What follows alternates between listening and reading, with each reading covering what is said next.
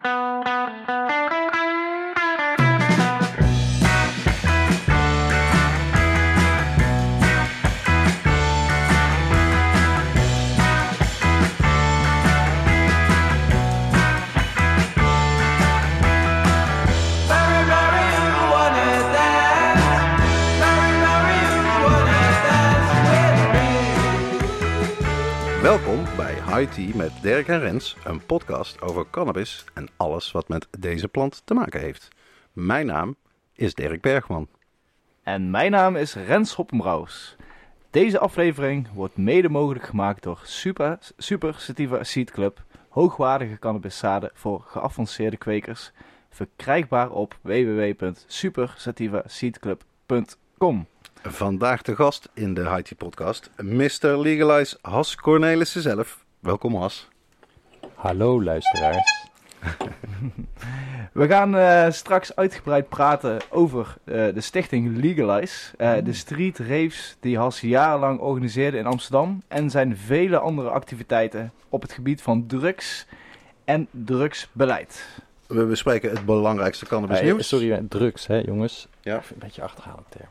Oh. Psychoactieve middelen, dan heb je een soort... Vind ik mooier. Het is wel iets langer hè? Ja, de, ja nou, mag best, dit, deze podcast had er ook tijd om dingen uit te diepen. Daar heb je dan wel weer gelijk in Has. Laten we gauw doorgaan. Ja, we gaan vandaag eh, het het nieuws bespreken natuurlijk. Het belangrijkste cannabisnieuws van de afgelopen twee weken. Dat is met name de aanmelding voor de wietproef, de telers voor de wietproef. eh, de coffeeshops die pas eh, op 1 september weer gasten mogen ontvangen. En we hebben ook cannabisnieuws uit Duitsland en de Verenigde Staten. En natuurlijk kun je luisteren naar onze vaste rubrieken. Wat zit er in de joint vandaag? De oude doos, reacties van luisteraars en wijze woorden. En we hebben weer vandaag een prijsvraag waarmee je prachtige prijzen kunt winnen. Dit is High Tea met Dirk en Rens, aflevering 23. Yes, welkom allemaal. We zijn weer begonnen. Een mooi nummer, 23. Ja, hebben we ook speciaal voor jou bewaard, eh Has. Ik ben echt vereerd. Nee, het is echt een, een broeierige middag. Maar eh, we zijn zeer eh, blij dat eh, Has ja, alle moeite heeft genomen om hier met een mondkapje anderhalf uur in de trein eh, naar ons toe te komen. Uit het verre Amsterdam. Yes man. Dus, maar ik voel me thuis hoor. Ik ben echt Brabander hart en nieren. Ik heb langs het Philipsgebouw gelopen. Dat witte hier, die hoge. Daar is zijn mooi, mijn hè? opa en oma. Eh, Riet, Corn- Riet Snoeks en Anton Cornelissen hebben elkaar daar ontmoet. Oh. En, In de eh, Witte Dame, de zoals Witte Dame, ja. heet. Ja. En, eh, Mooi. Ja, dat is echt heel mooi. Want mijn opa was heel lang en zij was heel klein. En ze zijn toen gekoppeld hier in Eindhoven aan elkaar. Dus hier liggen mijn roots. Eindhoven de gekste. Daarom ben je zo gezellig. Eh, nou snap ik die maakt wel wat los. Ja, die, is, die is moeilijk. In Amsterdam eh, word ik er wel eens van beschuldigd dat die verlogend is ook.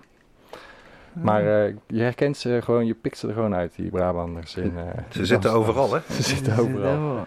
Ja, ik goed, zeg, ik vind het eh, echt mooi volk, Brabanders. Dat eh, moet gezegd. dat wil ik zeggen. Dat hoor ik graag. Maar eh, voordat we beginnen met deze podcast en... eh, We zijn toch al begonnen? Ja, oké, maar voordat we echt starten, steken we allemaal even onze, onze lekkere jointje op.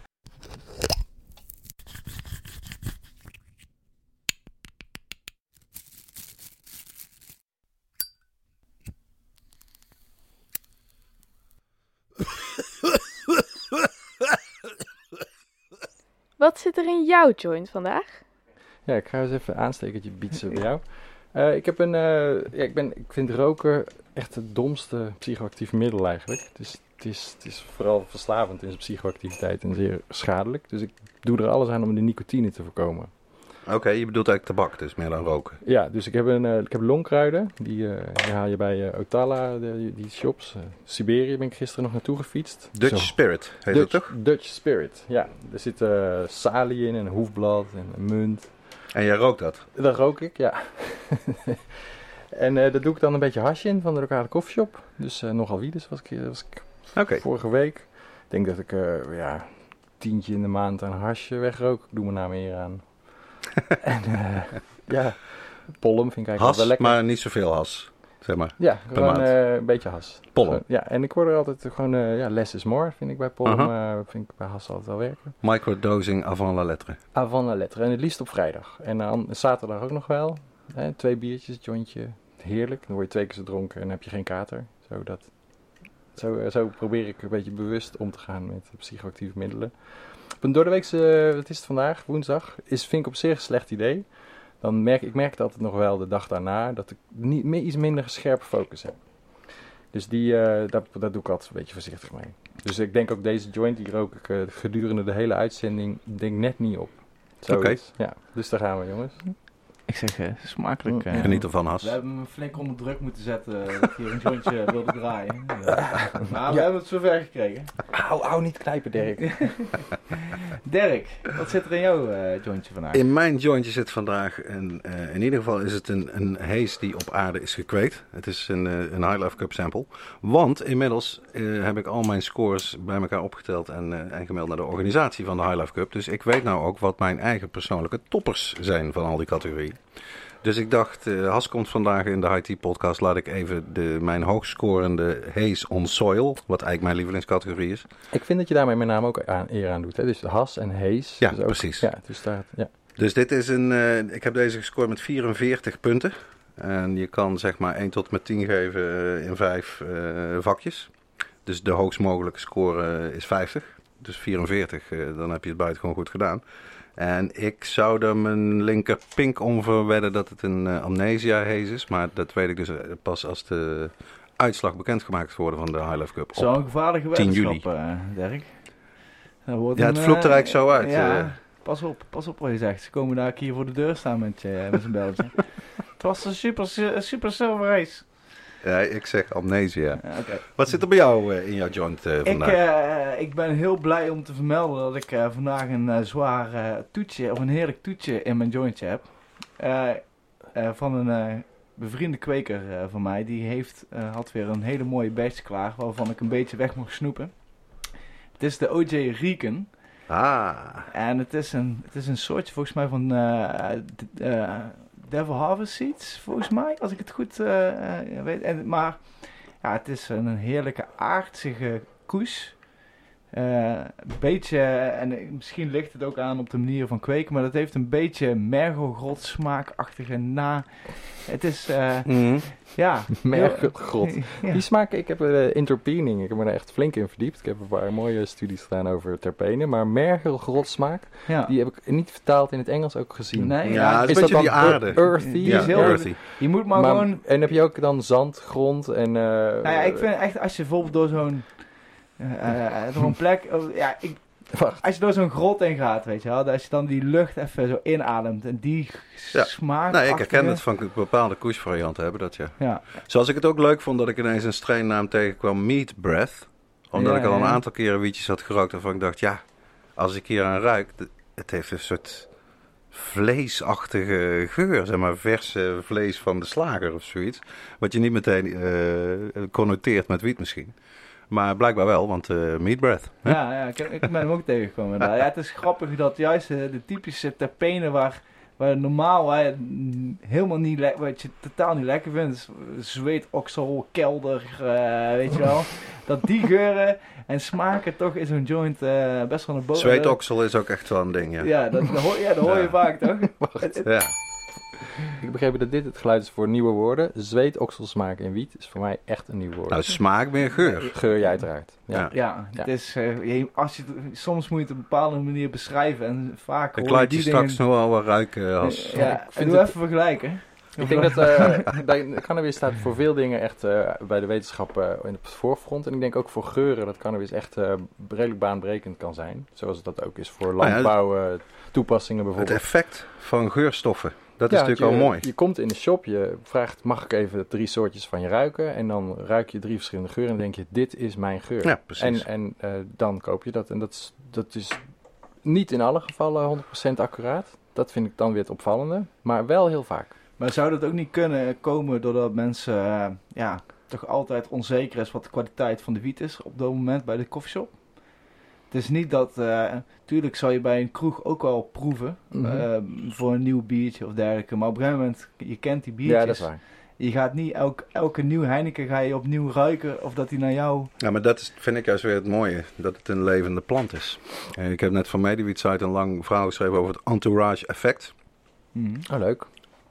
Wat dus betekent dat als je anders dan bij zeg maar één werkzame stofmedicijnen, waar je zeg maar één molecuul synthetiseert of uit een plant bijvoorbeeld haalt, is het belangrijk van cannabis juist dat al die verschillende stoffen, en de cannabinoïden, en de terpenen, en de flavonoïden, samen in onderling eh, samenhang met elkaar een effect bewerkstelligen. En eh, dat terpenen dat ook doen, dat is eigenlijk nog heel recente kennis. Dat is echt pas, ik geloof, 20 jaar geleden voor het eerst beschreven. Ja. Maar ik eh, ben het met je En eens. hardly understood. Het hele Ja. endocannabinoïde systeem. Want als je daarover na gaat denken, dat, je inderdaad tientallen cannabinoïden hebt, allemaal met hun eigen werking, die ook onderling nog eh, met elkaar interacteren. En terpenen die daarbij dan ook nog hun eigen effect hebben en hun eigen draai eraan geven. Want we weten inmiddels bijvoorbeeld dat CBD de meer angst eh, veroorzakende effecten van THC kan dempen. Nou, blijkt bijvoorbeeld dat pineen, een terpeen wat best wel voorkomt in wiet, Mhm. die doet dat ook. Dennen. Ja, die zorgt er ook voor dat je minder last hebt van zeg maar, paranoia als er veel THC in zit. Ja, het- Ja, dat, dat betekent weer heel nieuwe eh, informatie voor hoe je wiet kan beoordelen. Ja, Dus- ik, dacht, of in ieder geval, ik denk dat inderdaad later mensen ook meer naar de terpenen gaan kijken als ze iets gaan kopen. Hm. Nou, denk ik niet. Kijk, eh, die wietproef is net uitgeschreven. Hè? Dus in Nederland eh, zitten we voor de komende zes jaar gebakken. Dus Ja, ik weet niet wat voor termijn je het over Even hebt. Hè? Maar de terpenen zijn niet Laten we inderdaad dan interessant gewoon- voor het Laten we wiet-experiment. gewoon meteen inderdaad naar het eerste nieuwtje gaan. Laten we even een moment Nieuwtje. van stilte voor de mooie eh, jingle.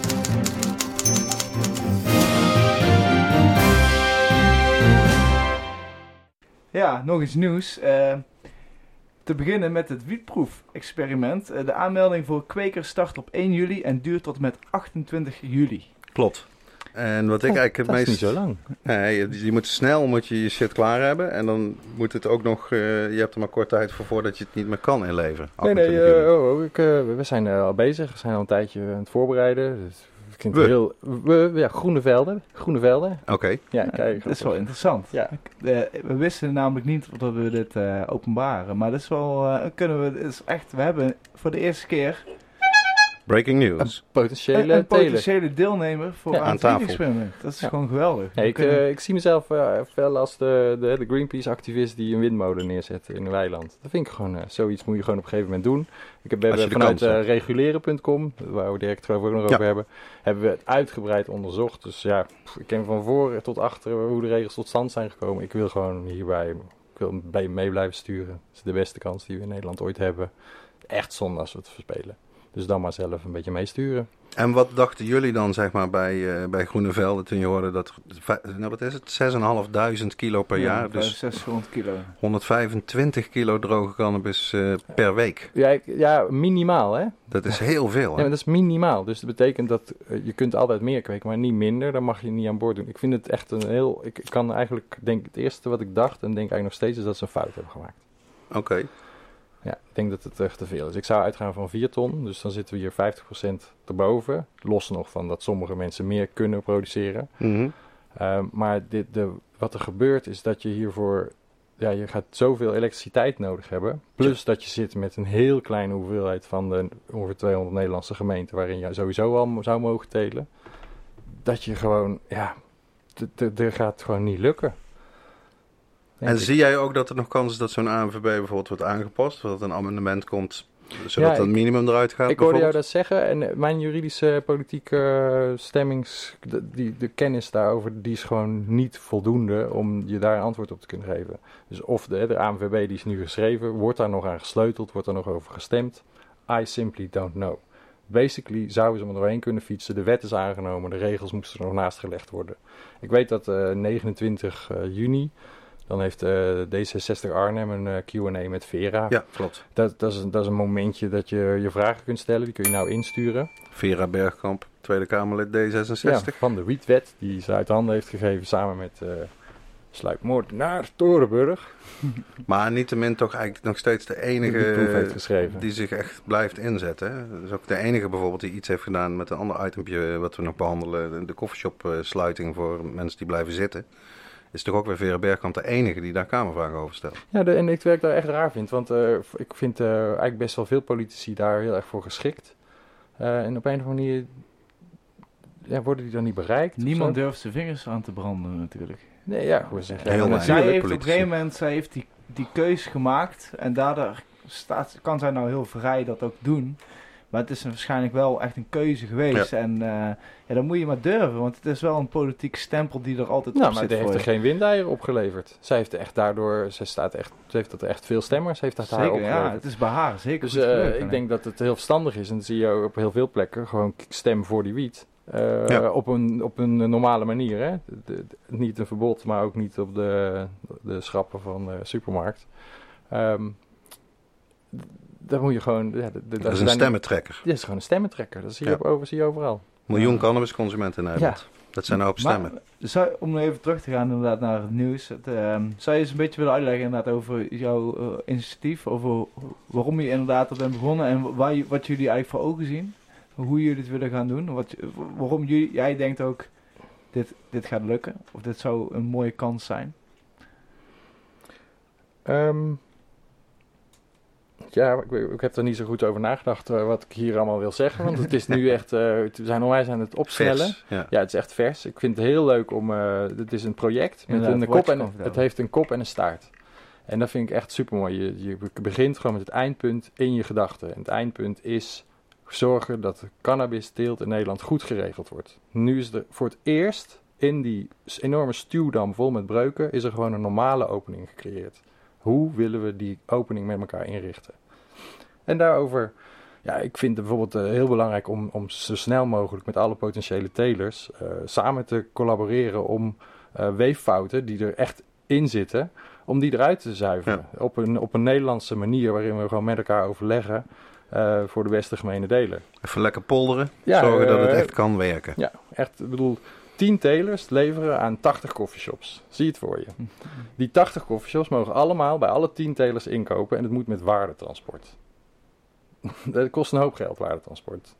Per uur, die kilometers, het is echt een hoop geld. En dan gaat een, een coffeeshop, die gaat daar ook, die, die wil dat met een goed distributiecentrum. Maar dat distributiecentrum, dat zit echt heel ingewikkeld in elkaar. Dan mag die waardetransport, die niet duidelijk is wie dat is in Nederland. Want Brinks die zegt, oh no, we're English, we don't believe this shit, we're not gonna do it. ja, die stappen er gewoon uit. Dat begint al goed. There is no value transport for cannabis in the Netherlands right now. Ja. Jongens, gat in de markt. Echt, stap erin, neem je certificaten, beveiliging. Echt veel geld verdienen. Goeie tip. En, eh, maar dan moet je nog steeds eh, samen met al die telers moet je zorgen dat, dat coffeeshop X eh, bij drie telers verschillende wiet kan inkopen voor een normale prijs. En dat, ik weet dat Peter Hendricks van Avites, hè, koffieshop-ondernemer uit het Ja. zuiden des lands, uit Limburg, die is eh, in een vergevorderd stadium om eigenlijk dat aspect op te pakken. ja, ja, en te dat is zeggen slim, van, wij, ja, wij zijn eigenlijk de, de schakel Ja. tussen die telers, die tien telers, en alle deelnemende coffeeshops. Zodat dat ook voor iedereen, want hij ziet natuurlijk ook de praktische problemen, die duidelijk op de, de beren op de weg. Nee, eh, ik, eh, ik, ik Wie eh, het, dat eh, laatste Peter, als partijtje je weg? meeluistert, zie het als een handreiking. Ik denk dat het moment is om nu al voor te sorteren met alle mensen die zeggen te gaan telen. Zelfs als ze niet eens gekozen zijn, kun je al voorsorteren. Want de mensen die niet gekozen worden, die willen ook dat het goed gaat. Dat worden gewoon je toekomstige beste werknemers. Nou ja, kijk, de coffeeshops hebben natuurlijk in die zijn geen keuze. Die worden gedwongen, zeg maar, in de steden die, die uitgekozen zijn om mee te doen aan die proef. Dus ja, ik denk dat zij ook belang hebben bij dat die wiet zo goed mogelijk is en dat het zo probleemloos mogelijk verloopt. Maar eh, nou, dat moeten we allemaal nog gaan bekijken hoe dat, eh, hoe dat gaat uitpakken natuurlijk. Ik, gisteren was er eh, onze maandelijkse VOC-vergadering, de laatste die we digitaal hebben gedaan via Discord. En daar kwam ook heel erg dat idee van een coöperatie naar boven. Ja, dat dat ah, eigenlijk eh, Ja. eh, Doede met name zal niet verbazen, was daar een groot voorstander van om te zeggen: doe het op een coöperatie manier. Ja. Zodat je niet één grote fabriek hebt, maar inderdaad dat je wel de craft grower eh, een kans kan geven. ja nee, het is eh, super op, obvious een, eh, een coöperatie. En een craft grower, daar moet je je bij voorstellen, dat is zeg maar een ambachtelijke kweker die meer op kwaliteit dan op kwantiteit zit. En dat zijn vaak kleine, ook familiebedrijven bijvoorbeeld. Dat is typisch craft. Ja. En die kunnen dus niet 125 kilo per week droge cannabis in 10 verschillende soorten leveren. Dat eh, gaat hem niet worden. En hoe, hoe denken jullie over eh, de hash? Ik vind, die, vind ik een leuke vraag van je. Ja, als ze mijn naam Has, eer aan te doen, dus, eh, denk ja. ik daarover van, hé, hey, nogal wie dus. Dan gaan we, gaan we kweken. Hey, Ga je eh, hash kweken? Dat Ja, is bijzonder. Ja, Ja. nee, ha- oké. Jongens, hash maak je van de trichomen van de plant. Die knal je er vanaf, op wat voor manier dan ook. En dan maak je bruin poeder. Een bruin eh, stil pul van. Of en zwart, stop je in je joint. Of geel. zwart. Of blond. of rood. Kun je aan je vingers plakken. Heerlijk. Rood. Groen. Rode liep. Ja, maar ik heb Jij bent nooit, zo oud toch? Heb jij nooit rode liep gehad? nooit in het rood, altijd in het bruin. Ik heb hem wel in het rood gehad. En nog niet zo heel lang geleden ook. De kleurstoffen. Nee, nee, nee, nee. nee. Straight from Libanon. Libanon is ook aan het legaliseren, hè? Big time. Dat is wel echt interessant. Ik heb een tijd geleden met hun eh, nog aan de telefoon gezeten. En ik vind het echt, eh, Libanon, ah, zo'n goed idee om daar te reguleren. Maar, Maar weet niet het- je vraag wegrennen. Ja, nee, dat kan Nee. heel makkelijk hoor. Ik weet niet of het die pollen is, maar die nieuwsrubriek die begint volledig uit de hand eh, te lopen. Wat ik van hash denk, is eh, dat... eh, Binnen het experiment. binnen het experiment. Ik denk hash is eh, belangrijk. Dat wordt een hele belangrijke. Ik ben ontzettend eh, als hash-roker. Ik ben bang dat de, hash, de nederhash te sterk wordt. En ik vind dat zelf Ja. niet lekker. Eh, en dat maakt dat de consument wegloopt. En hash is heel eenvoudig op de zwarte markt eh, Ja. af te halen. Dat, Altijd. Dat, dat, het gaat altijd zo blijven. Ehm, de, de, voor zover ik weet, eh, ik zou het heel gaaf vinden als de, Marokkanen, als de Marokkaanse gemeenschap aan boord zou stappen om hier antwoorden op te geven. Dat zou ik echt te gek vinden. Echter, ik heb geen signalen dat dat zo is. En ehm, ik, dan betekent dat we zelf hash zullen moeten maken. En dat kan op heel veel manieren. En eh, er was een experiment van, eh, de, de- vanuit de overheid, vanuit VWS, om eens de hash te gaan testen voordat we aan het experiment begonnen. Het was een hele verre fase. Trimbos, Proxy Lab eh, deden eraan mee. En de, alles lag klaar, het was geëxtraheerd. En op het laatste moment heeft VWS gezegd: nee, we doen het niet, mag niet. en daardoor het hele experiment niet doorgaan. Dus we weten, er is geen enkel goed onderzoek Nee. met hash.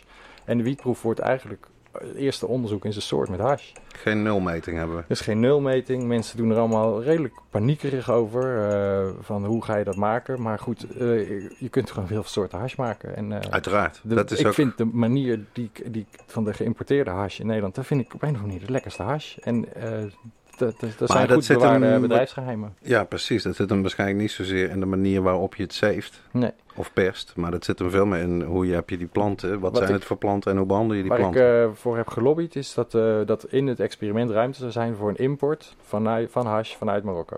Fairtrade. Ja. Ja, dat is mooi. Ja, en eh, Ja. die... die, die de droom van Joep. Fairtrade has. Ja, maar dat is echt... eh, nou ja, goed. Ik, ik denk dat Libanon eh, daar wel eens een stap in zou kunnen zetten. Absoluut. Alleen goed, Libanon neemt de eerste stap voor medisch. En, eh, maar goed, dat is wel een belangrijke stap. Dat hebben we in Nederland ook gezien.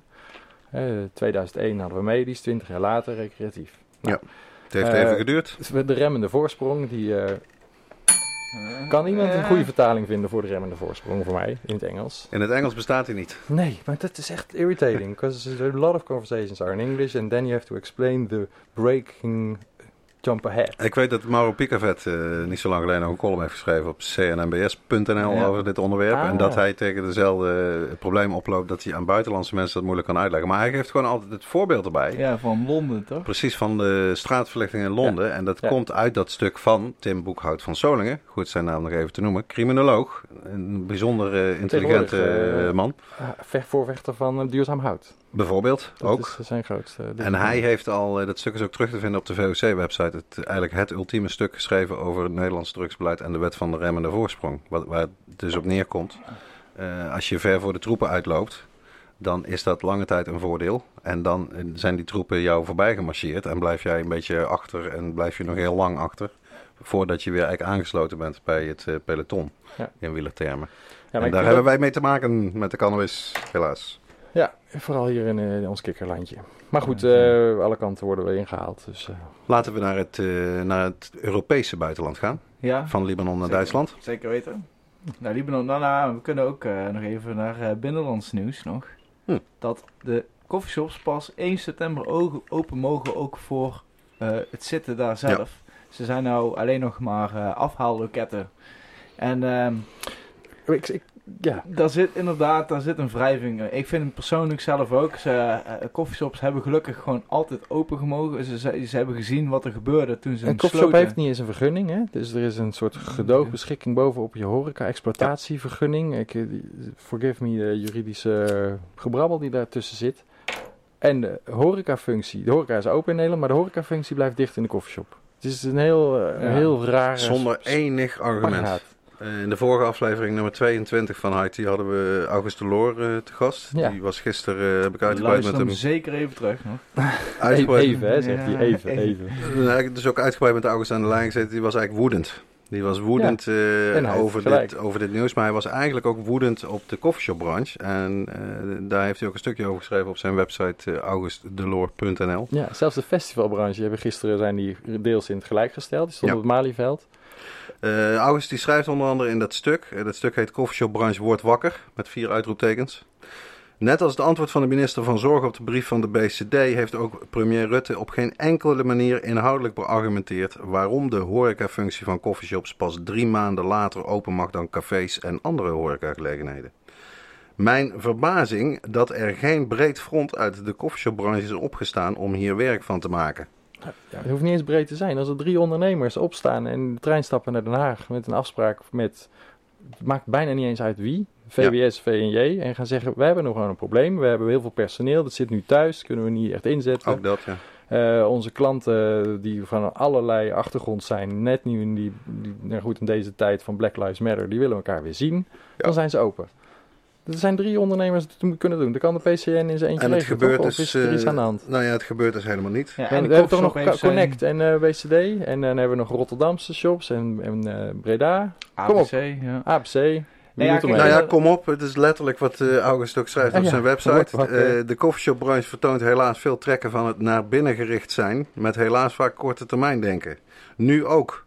Zolang het tijdens de lockdown mogelijk blijft om cannabis te verkopen, is het wel oké.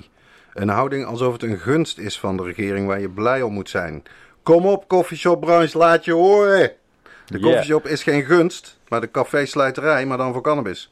Waar honderdduizenden mensen met en onder elkaar kunnen genieten van het na alcohol meest populaire genotsmiddel in de wereld. Amen. En die functie, daar gaat inderdaad het kabinet volledig aan voorbij. En de coffeeshopbranche laat het gewoon gebeuren, want eh, de omzet is toch op peil. De- ik vind het zelf eigenlijk ook schandalig. Ik vind eh, dat August het mooi verwoord heeft. Zeker weten. Ja. Ik zeg nieuws uit Duitsland. Daar is de vergoeding van medicinale cannabis door zorgverzekeraars naar een nieuw record gestegen. Mm. In het eerste kwartaal van 2020 vergoeden de zorgverzekeraars samen 38,9 miljoen euro aan medicinale cannabisproducten. Zo meldt verzekeraarsbond GKV Spitsenverband. Spitsenverband. Ja, ja we, we hebben er ook inderdaad intern over lopen ouwe hoeren. En, en kijk, inderdaad, het is een heel goed nieuws. Je, je merkt natuurlijk eh, dat mensen meer gebruik gaan maken van medicinale cannabis. Ja. Het is een eh, normalisering. Het is ook natuurlijk ook eh, te wel, natuurlijk wel kijken eh, met deze coronatijd. Dat mensen op een gegeven moment niet zijn van gaan hamsteren voor die periode. Ja, dat, kunnen. daarom wat Dat meer... eh, dat hij daarom... Ja, dat zijn... ik bedoel, eh, mensen gaan min, zo min mogelijk de deur uit in ieder geval. En, eh, Nou, het leek erop, maar de- er zijn heel veel onderzoeken in die coronatijd. eh, dat uh, cannabisgebruik dat het ietsjes omhoog is gegaan thuis, eh, wereldwijd. Ja, klopt. En Volgens mij Ja. had het EMCDDA uit Portugal daar ook een, ja, eh, en nieuw Team Alert had een onderzoek. En eh, ik had eh, Adam Winstock, eh, heb ik ook een paar keer, eh, die, die, die, die heeft ook veel onderzoek eh, draaien nu daarover. Eh, hij is van de Global Drug Survey. eh, Ah, oké. Ja, 250.000 respondenten eh, onder zijn vinger. Ja, die, dat is echt leuk. Die jongen die komt echt met zulke fantastische verhalen. Hij zit ook vrijdag in onze show, eh, hebben we hem. show. Ja, we doen een hele vette show. Vrijdag, jongens, is het de Global Day Against Drugs and Illicit Trafficking van de United Nations. Noem de datum 26th even. June, 26th June. 26. En ehm, dat betekent dat de Verenigde Naties die gaat vieren dat ze nu al eh, sinds 61 een niet werkende war on drugs voeren. Hoe de hoera.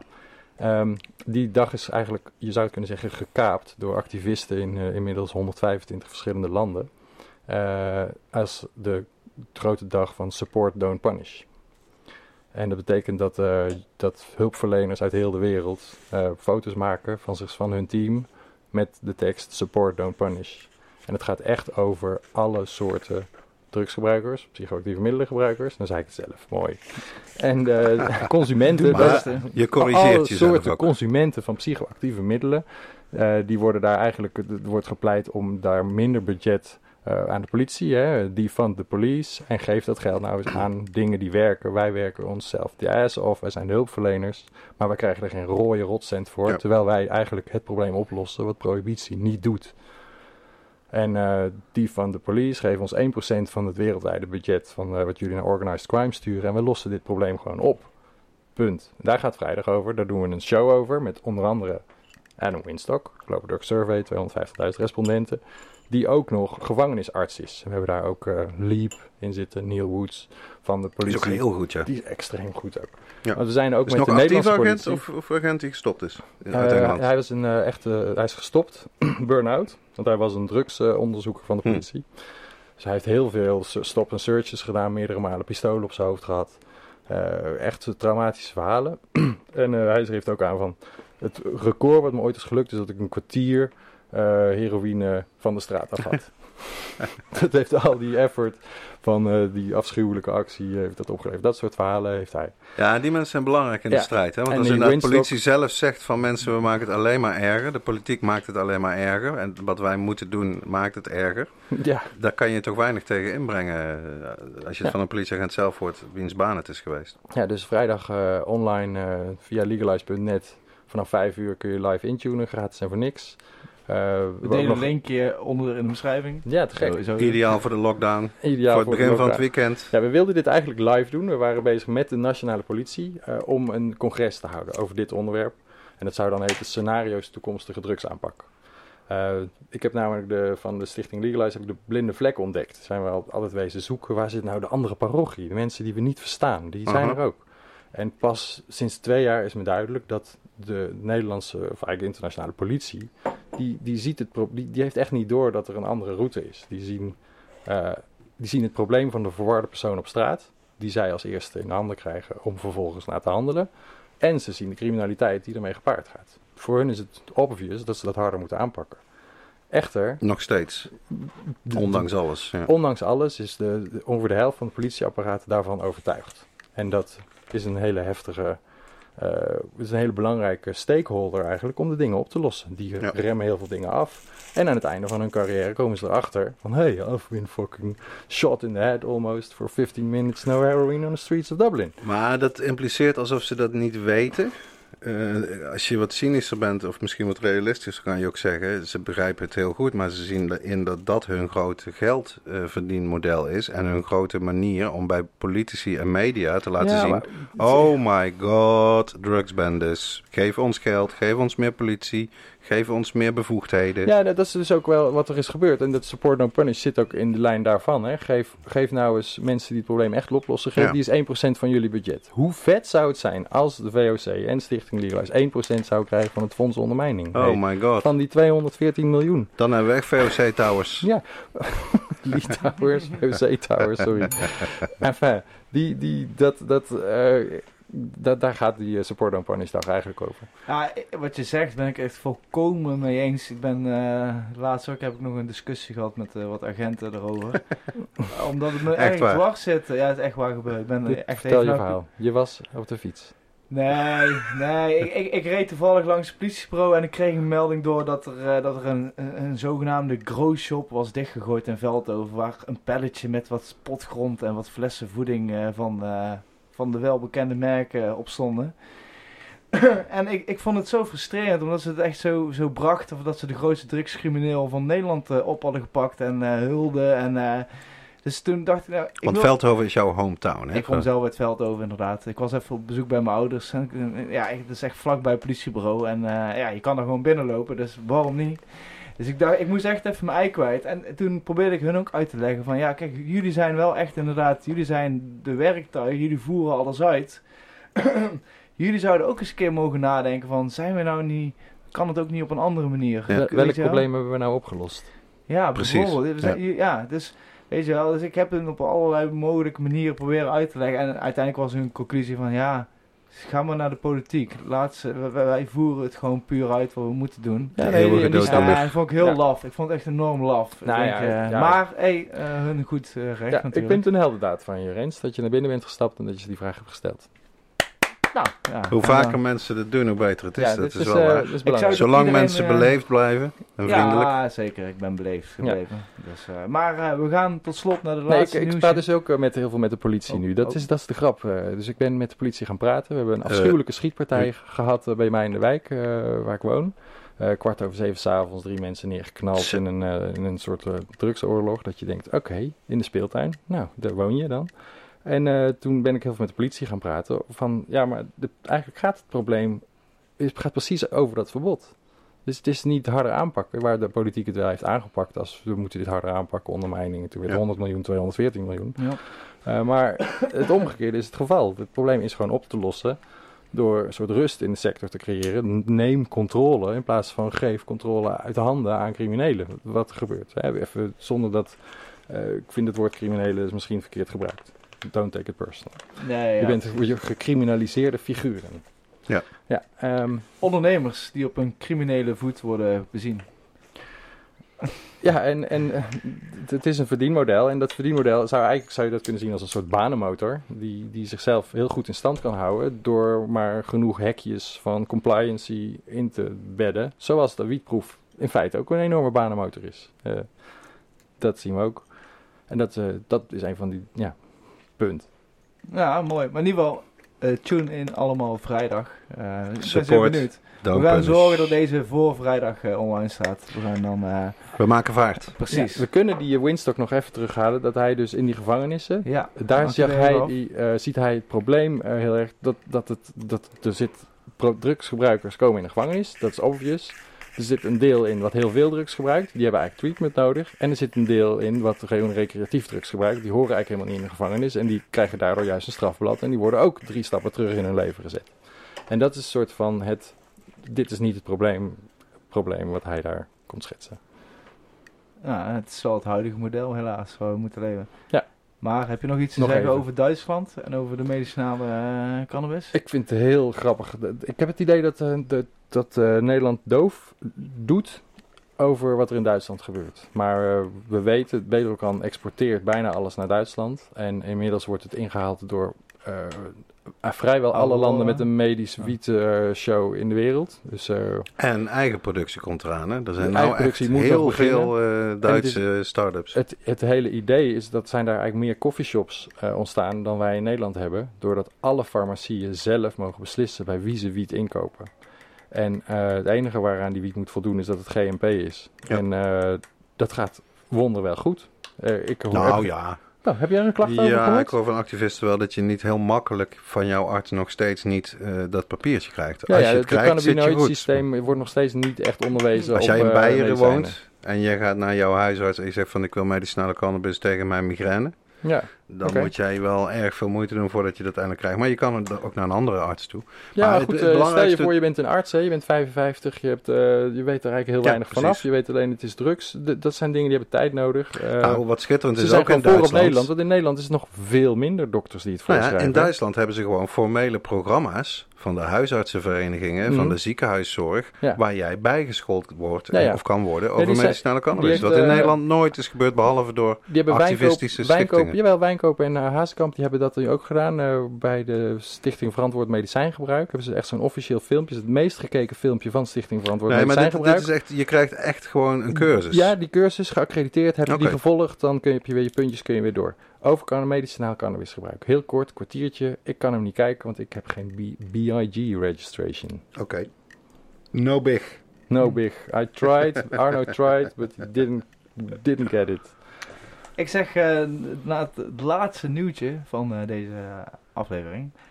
Breaking news. Even kijken. Breaking news over de Amerikaanse minister van Justitie William Barr.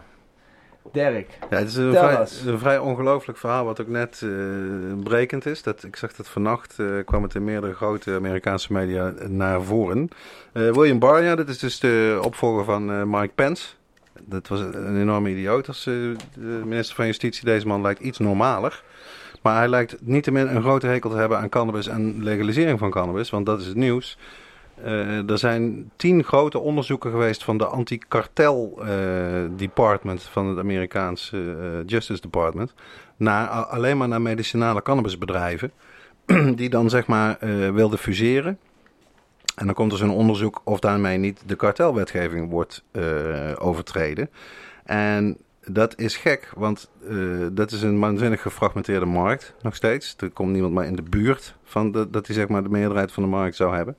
Dus volgens alle criteria die gelden wanneer je zo'n onderzoek moet starten, die waren hier helemaal niet aan de orde. En er is nu een, eh, een whistleblower. Die heeft daar een geschreven getuigenis over eh, neergelegd bij het ministerie van Justitie. En ik geloof dat die zelfs vandaag ook gehoord wordt. Dat is misschien ook wel live op CNN te volgen. Want die gaat ze uitleggen dat ja, die minister van Justitie, William Barr, omdat hij een hekel heeft aan cannabis, heeft hij alle regels overtreden. En ik geloof bijna een derde van het totale budget voor alle kartelonderzoeken in Amerika heeft hij op deze tien wietbedrijven gezet. Dus ja, dat, dat is aan alle kanten een bizarre manier van je macht misbruiken als minister van Justitie. Dus ik ben benieuwd of we daar eh, nog meer van gaan horen. Want het lijkt toch ook wel of het een beetje buiten de cannabiswereld ook nieuws gaat worden. Omdat zo'n man, zeg maar, ja, volgens zijn eigen voorkeur eh, de wet inzet. Dat moet je natuurlijk niet doen als je minister van Justitie bent. Cannabis wordt nu toch ook in Congress besproken eh, in Amerika? Dat het nu op federaal niveau eh, wat meer lucht krijgt? Ja, dat zijn eigenlijk bewegingen die zijn heel langlopend en die lopen dan al een hele tijd. Dus eh, je ziet inderdaad, het is dan bipartisan. Dus zowel republikeinse als democratische sen- senatoren zijn ermee bezig. En dan zijn er verschillende initiatieven. Bijvoorbeeld om alleen dat bankenprobleem op te lossen. Ja. Maar ook om eh, het federaal te doen. Maar dat is ook weer zo'n heel lang proces. Waar je, dat kan je niet verwachten dat er snel iets mee gaat gebeuren. En Is die banken er niet al door zelfs? Nee hoor. Het is nog steeds, niemand kan een bank hebben in de legale only. industrie. Cash only. Wat Het is is toch dus echt zeer gevaarlijk absurd, voor ja. die bedrijven allemaal. Ja, dat is een voordeel van de wietproef, vind ik. eh Ja, pin ja, only. ja, zeker. Ja, zeker. Ik zeg, eh, we gaan eh, verder en we gaan er wat dieper in eh, over onze gast, Has. Ehm, eh, hij is eh, in ieder geval inderdaad betrokken en een van de oprichters van de stichting Legalize, die al sinds 1997 actief is. Ik vraag me af, eh, Has, hoe raakte jij des- destijds betrokken in de strijd van de legalisering? Ja, dat vroeg ik mezelf ook wel eens af. Hoe kan het lopen in het leven, hè? Nee, eh, ja, god. ehm, Take us back naar 1997. Ja. 97. Ik was eh, jonge student in de stad Nijmegen. En ik was dus niet de oprichter van de Legalized Street Rave, maar ik werd uitgenodigd door een eh, man genaamd Jan Frank. Velen in de beweging kennen hem wel. En hij heeft me geenthousiasmeerd om een soundsysteempje te regelen met een radiofrequentie. En naar Amsterdam te komen op de eerste zaterdag van juni in dat jaar. En daar gingen we, daar, ik kwam daar en er was daar een street rave bezig, zoals ik die wel vaker in mijn leven tegenkwam als party organizer. En ik dacht, dit is gezellig. Ik gooide mijn radio in de kluis en ik ben gaan feesten. En eh, het jaar daarop zeiden we in Nijmegen, kom we gaan met een eigen wagen, gaan we meerijden. Het, Waar eh, was dat in Amsterdam? Het- voor het station. Het was tijdens de Eurotop. Dat was erg leuk. Het was de eh, Eu- Eu- Eurotop in Amsterdam. De Er allereerste, denk overal, ik. Ja, er waren Ja. overal rellen. En eh, Legalize had een feest gegeven in het fucking centrum eh, aan de Oostelijke Handelskade, aan de Piet Heinkade. En eh, het feest dat de hele nacht doorging en daarna een eh, street rave. En het was de enige vreedzame demo in Amsterdam. Dat was echt... eh, On the drugs people. De happy, eh, drug people. Oh nee, de Dat- psychoactieve middelen people. ja, en in ieder geval, die eh, waren de consumenten. Die, eh, Ja. die ze hebben we op straat gezet. Eigenlijk het idee Want- was, we, we, we laten zien dat, eh, dat, dat, men, dat men helemaal niet bang hoeft te zijn van de Mm. consumenten. En we hebben in Nederland hebben we dat koffieshopbeleid. En één Europa, sorry, maar als dat koffieshopbeleid van ons nou eens onaangeraakt bleef, dan, dan hebben we het ergens over. Maar laten nu even zien dat je daar vanaf moet blijven. 97, ja. Dat was in de tijd dat Toen moest, het, Frankrijk... eh, toen moest het nog echt beginnen, hè? de, de, de Ja. echte anti-golf. Ja, nee, we zijn al nu 23 jaar bezig. En eh, kijk, de- dat deden we ook met eh, de straatjunkies, noem ik zo eventjes. Eh straatdrugsconsumenten, mooier. Ehm, Psychisch actieve. en- ja, en eh, de, de, de psychonauten waren daar, de hooligans waren daar, de Hells Angels waren daar. En alle psytrancers, de techno-scene. Eh, en dat groeide, groeide gewoon uit. Het jaar erop kwamen we dus met een eigen soundsystem uit Nijmegen. En toen gingen we een beetje notulen schrijven. En eh, ja, goed, we zijn er een keer heftig verboden. Echt eh, op de vooravond van onze streetgrave. Op een manier dat je echt merkt hoe sterk de kracht van de sterke hand is. Daar heb ik Oh. nog een mooie foto van. Er zijn erg veel mooie foto's eh, uit die jaren. En een fotoboek Waarbij jij een steeds- soort mengeling van, van wanhoop en woede op je gezicht hebt bij het bord waar staat... Legalized demo gaat niet door. Ja.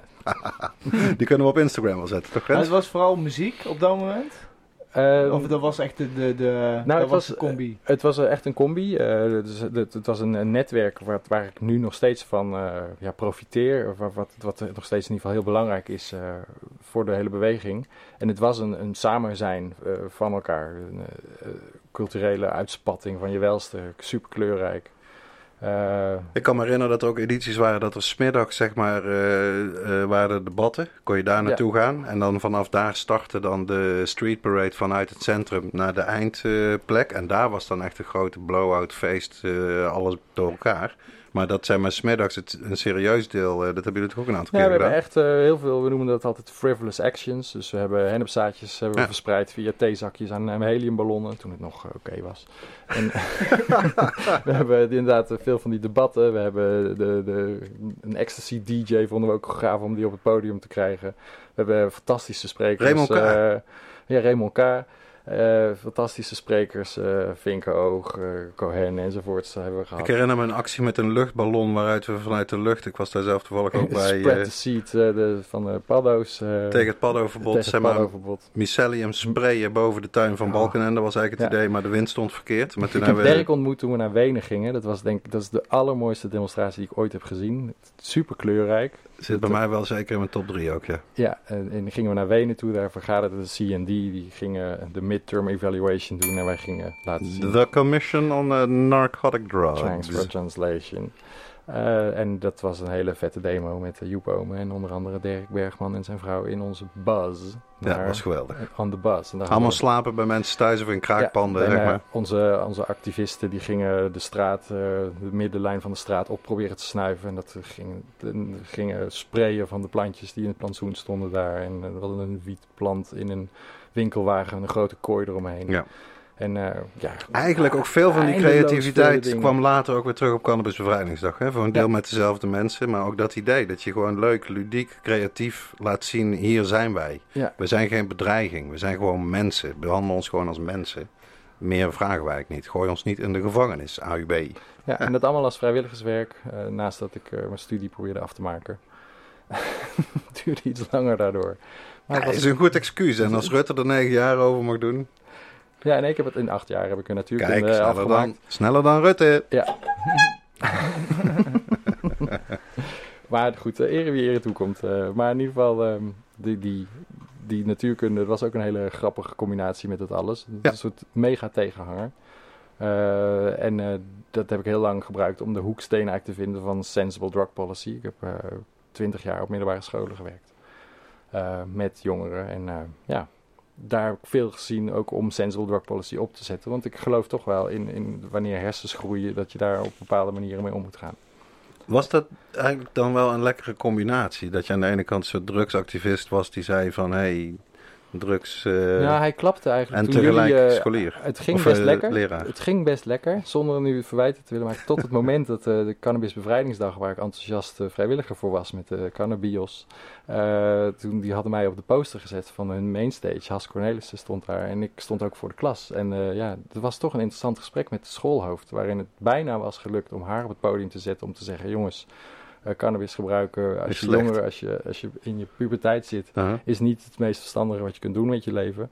Want ze vond het niet zo'n goed idee als ik daar zou staan. Als, uh, maar dat was feitelijk met... toch ook jouw boodschap, kan ik me herinneren, was de planning. Dat jij zei, zeker voor Amsterdam zou het best een goed idee zijn om de leeftijd te verhogen van 18 naar 21. Mhm. Mm -hmm. Niet zozeer omdat je op je 19e niet een joint zou mogen roken, maar omdat jij in de praktijk zag op jouw school dat als er dan één iemand 18 was in de klas, dan had iedereen in de klas wiet, bij ja, spreken. En dat was dan geen dealer, maar dat was een deler. Ja. ja.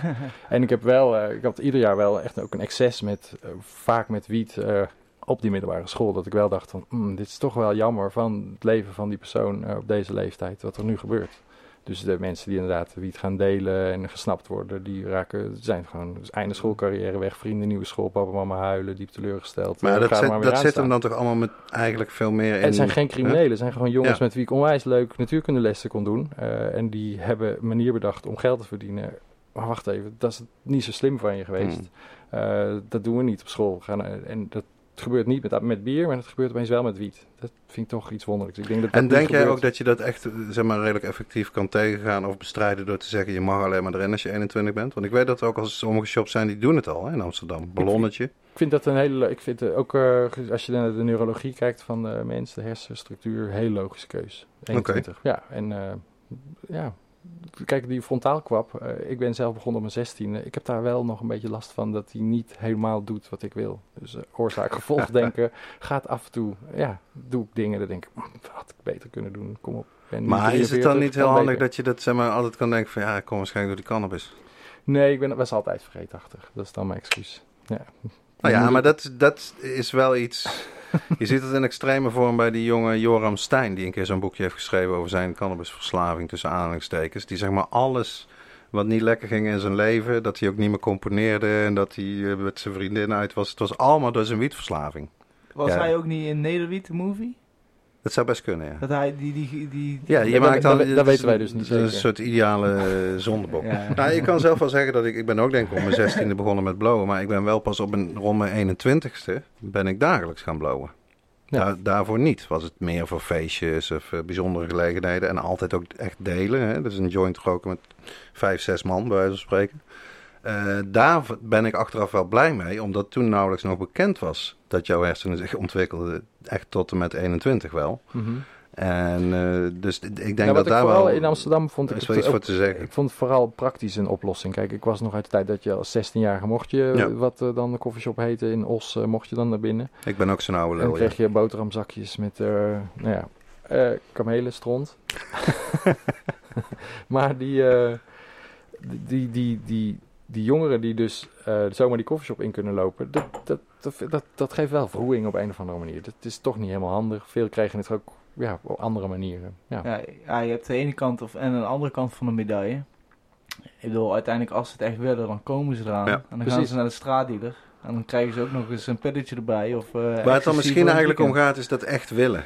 De- ik denk dat, dat je er gelijk in hebt, dat de categorie die echt wil, voor wat voor reden dan ook, hè, dat kan allerlei redenen hebben, dat die het inderdaad gaat doen. Maar de vraag is dan een beetje, de groep die het niet echt wil, maar het wel doet omdat die shop daar is en hij dat kan doen, is dat een grote groep en ga je dat eff- effectief daarmee bestrijden, zou best kunnen. Het is natuurlijk wel zo dat bijvoorbeeld de Cannabis Social Clubs in Barcelona, om maar eens iets te noemen, zijn allemaal 21. Eh, vanaf het begin heb ik het idee. Ja. Maar... eh, Ja, Ja. ja. ik, vind, ja, Ja, het kijk, is- ik ben al het is- 21 geweest, dus ik kan nou heel makkelijk zeggen, helemaal goed. Nee, maar, maar- ik, ik ben ook vanaf mijn Voor jou 18 is het het minst lang geleden dat je Eh, 18 was. Nou, ik was 18 en ik kon niet wachten tot Ja, ik de, ja. eerste keer naar de koffieshop kon, man. Dat was echt eh, was iets magisch.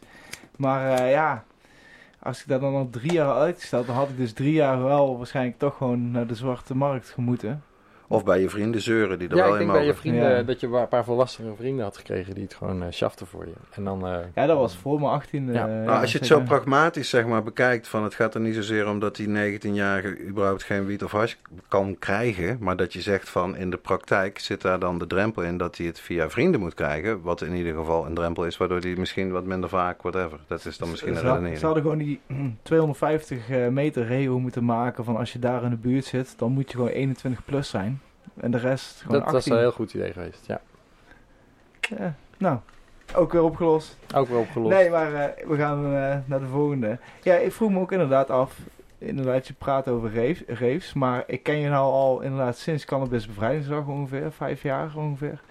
Ik heb jou nog geen rave meer zien organiseren. Dat is, heb je niet goed gekeken. Eh, eh, www.legalize.net, ieder jaar in augustus. Oké, oké. precies. Handparade. Gaan wij met een soundsysteem uit Dat klopt. Amsterdam.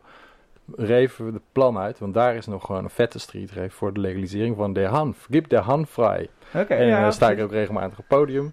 Echt, in Dit Berlijn jaar helaas het. vanwege corona wordt het ook Het is digitaal. afgeschaft. We hebben onze sponsor, eh, Ja. eh, daar moeten we er nog even van verwittigen, maar het Sound System Crew die ligt stil. Dat doen we ook altijd met een dikke vette afterparty. Echt met een superleuk team. Het zijn echt, eh, the boys are, are two Maar nights out. Dat Superleuk. is in Berlijn. Dat is niet Ja? in Amsterdam. Nee. je moet toch even de vertellen, denk ik, voor onze luisteraars hoe... Je kunt hoe- altijd je aanhaken, ook als vrijwilliger. Zijn ze altijd op zoek naar mensen. En eh, Ja. www.legalize.net. Ga Yes. er naartoe. Dat staat ook onder de, bij de linkjes onderaan deze uitzending. Maar, eh, kijk, de, de street rave, dat weet je. Dat, misschien ken je dat verhaal eh, niet, Rens. Ik wel, ik was er zelf bij. Eh, de street rave van Legalize is natuurlijk toch eigenlijk heel traumatisch en in geweld geëindigd. Kan je zeggen. Nou, het einde niet. eh, Het einde was redelijk vrede, vreedzaam. Bij- Bij Sloterdijk was de laatste streetref die we hebben gehouden. Oké. En daarna nog een bij het mannetje, een soort markt. En we hebben het In? op die manier... In Amsterdam, alles in Amsterdam. Eh, welk Ja. jaar was dat dan? 2011 hebben we de laatste Ja. gedaan. Ja. Ehm, en eh, die was dan bij het eh, Lievertje, op het Spuipleintje, daar... eh, Historische plek. Ja, en met de Sloterdijk hebben we hem echt goed afgesloten. Ook met de gemeente, met een mooie slotmanifestatie, met goede bands. En op de Papa Verweg, de Papaverweg eh, in Amsterdam-Noord... Daar hebben we één keer hele rare toestanden meegemaakt die nog steeds niet helemaal te duiden zijn. Ehm, en ja, we wijten het aan voetbal, hooliganisme, eh, wat we met onze vrijwillige crew gewoon niet konden tackelen. Eh, ja, in combinatie ook met de politie, waarvan je soms verwacht dat ze iets doen en dan doen ze het omgekeerde. Dat, goed. Ja, ik was daarbij en het was een terrein waar een aantal soort heuveltjes waren. Van, ik weet niet eens wat het van was, misschien bouwafval of zo. Dus ik had een aantal zeg maar, hogere standpunten, veel foto's gemaakt daar. En je ziet het gewoon gebeuren. Je ziet op een gegeven moment een hele groep mensen met voetbal-t-shirtjes aan. Van Ajax en Feyenoord. Dat terrein opstromen waar iedereen heel vredig en fijn, Ja. gezellig aan het dansen was op sound systems. Ja. En toen werd het gewoon in no time werd het echt eh, knokken en eng en echt een rotsfeer. Ja. Heel eh, heavy. Ja, waarop we hebben gezegd, eh, jongens, jammer, afgelost. Ja. En het is echt zonde, we hebben, we toen 18 soundsystemen staan uit heel Ja. veel eh soundsysteemculturen. De vibe was eh, vijf minuten daarvoor, was het te gek. Ja, dat sloeg om. Ik heb nog Terwijl- nooit zoiets meegemaakt. Nou ja, we hadden iets daarvoor. Op die dag hadden we ook een moment waar we toen door de eitunnel gegaan. En dat, eh, dat was een soort logische keuze eh, om daar doorheen te gaan. En daar, daar hebben we zelf ook wat productionele fouten in gemaakt door niet genoeg. Dan hadden we 200 vrijwilligers hadden daar op moeten zetten. En dat hadden we niet gered met onze vrijwilligersorganisatie. En toen was er aan het einde van die eitunnel er was al een opstootje. Wat heel naar was. En wat we gauw met de politie samen aan de kant hebben kunnen zetten. En we moesten wel door. Maar daardoor was onze, onze draaiboek, dat switchte ook weer om. En, ja, Sneu. Ja, dat is dat echt sneu. Ja, dat jammer. Ja. Ehm, de eh, regulator, daar willen we het ook Oh ja, nog wel ja. eh, over hebben. Jij bent een van de drijf, drijfveren, drijfkrachten eh, achter eh, de regulator. www.reguleren.com kom. Zou je daar eens ook wat meer over willen vertellen? Wat houdt het in? De regulator is Ja. eh, een tool die hebben we ontwikkeld met eh, Thijs Roes en Hester Kooistra. En, eh, en Erik en ikzelf hebben we heel lang eh, zitten bomen van we moeten mensen leren om over het hek, over de dam van prohibitie heen te kijken. Hoe kan een ander regulatoire model er nou uitzien? En echt, dat, dat lag eerst een tijd op Puur voor wiet, hè? Voor Puur de voor duidelijkheid. wiet, En eh, nou, jij zegt puur voor wiet. Hij is echt zeer interessant voor meerdere psychoactieve middelen. En daar wordt ook hard aan gewerkt. eh, goed. Eh, Maar oké, dus, eh, er staat niet voor niks een wietblaadje in het logo. Nee, precies. hè, Maar het, Het wiet- voor wiet. wietblaadje, ik verwacht dat het binnen, ik, ik hoop, er wordt, aan, er wordt aan gewerkt dat er, nee, een MDMA Oké, tabletje. Die, eh, die is in ontwikkeling, daar, wordt aan gewerkt, maar het is wel een hoofdpijndossier. Dus het was eigenlijk een soort stemwijzer, kan ik me herinneren, waar je gewoon kon zeggen van, vind Ja. je dat het zo of zo zou moeten, zo Ont- of zo? Ontwikkeld en dan, door, eh, door, door Digisaal, die een stemwijzer gemaakt dat je met acht vragen als een soort spel jouw eigen favoriet reguleringsmodel kon krijgen. En, eh, dus het, het Cannabis Social Club model of het Doede de Jong model, wat, wat een beetje lijkt op hoe dat voor alcohol ook gaat. Bier en wijn, Bier, bier en wijn. En we hadden het eh, California model en eh, hoe het dan in de Washington was georganiseerd. Het ging erg snel daarna en het was echt een eye-opener. We hadden hem gepitcht op de dag dat de VVD bij elkaar kwam. En die stemde toen 83% voor het slimmer reguleren Ja, van hennep. dat Bam, echt- verkiezingen, bam, wietproef. En zo hebben we, dat hebben we, was eigenlijk goed gelukte actie.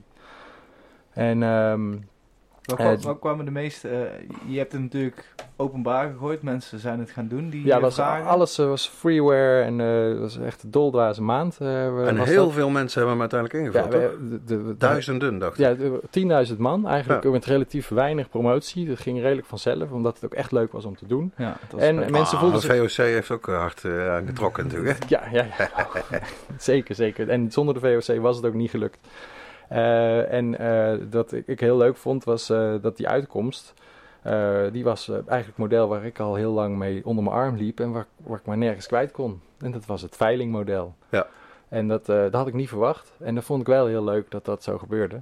Wat leg even de notendop uit? Nou, dus je hebt meerdere, net als voor groente, fruit en bloemen, eh, heb je een eh, plek waar alles bij elkaar komt. Daar komt eh, een keuringsmeester die zegt het is goed, het is niet goed en krijgt AWC-kwaliteit. En, Dus ko- ook labtest bij de veiling. anything goes, belasting, supergoed belastingpunt, alles Ja. haal je in bij de veiling. Dan komt alles bij elkaar en van daaruit verdeel je het weer over de ondernemers die het gaan verkopen aan de consument. Dan heb je een heel goed controlepunt, makkelijk te beveiligen. En dat, dat, dat popte daaruit en dat klopt ook wel met de vragen die daarin zaten. Dat de overheid de mate van controle had over, hè, die hoeft dan alleen maar de veiling, de belasting te kijken. En die ziet eigenlijk, oh, dit gebeurt er.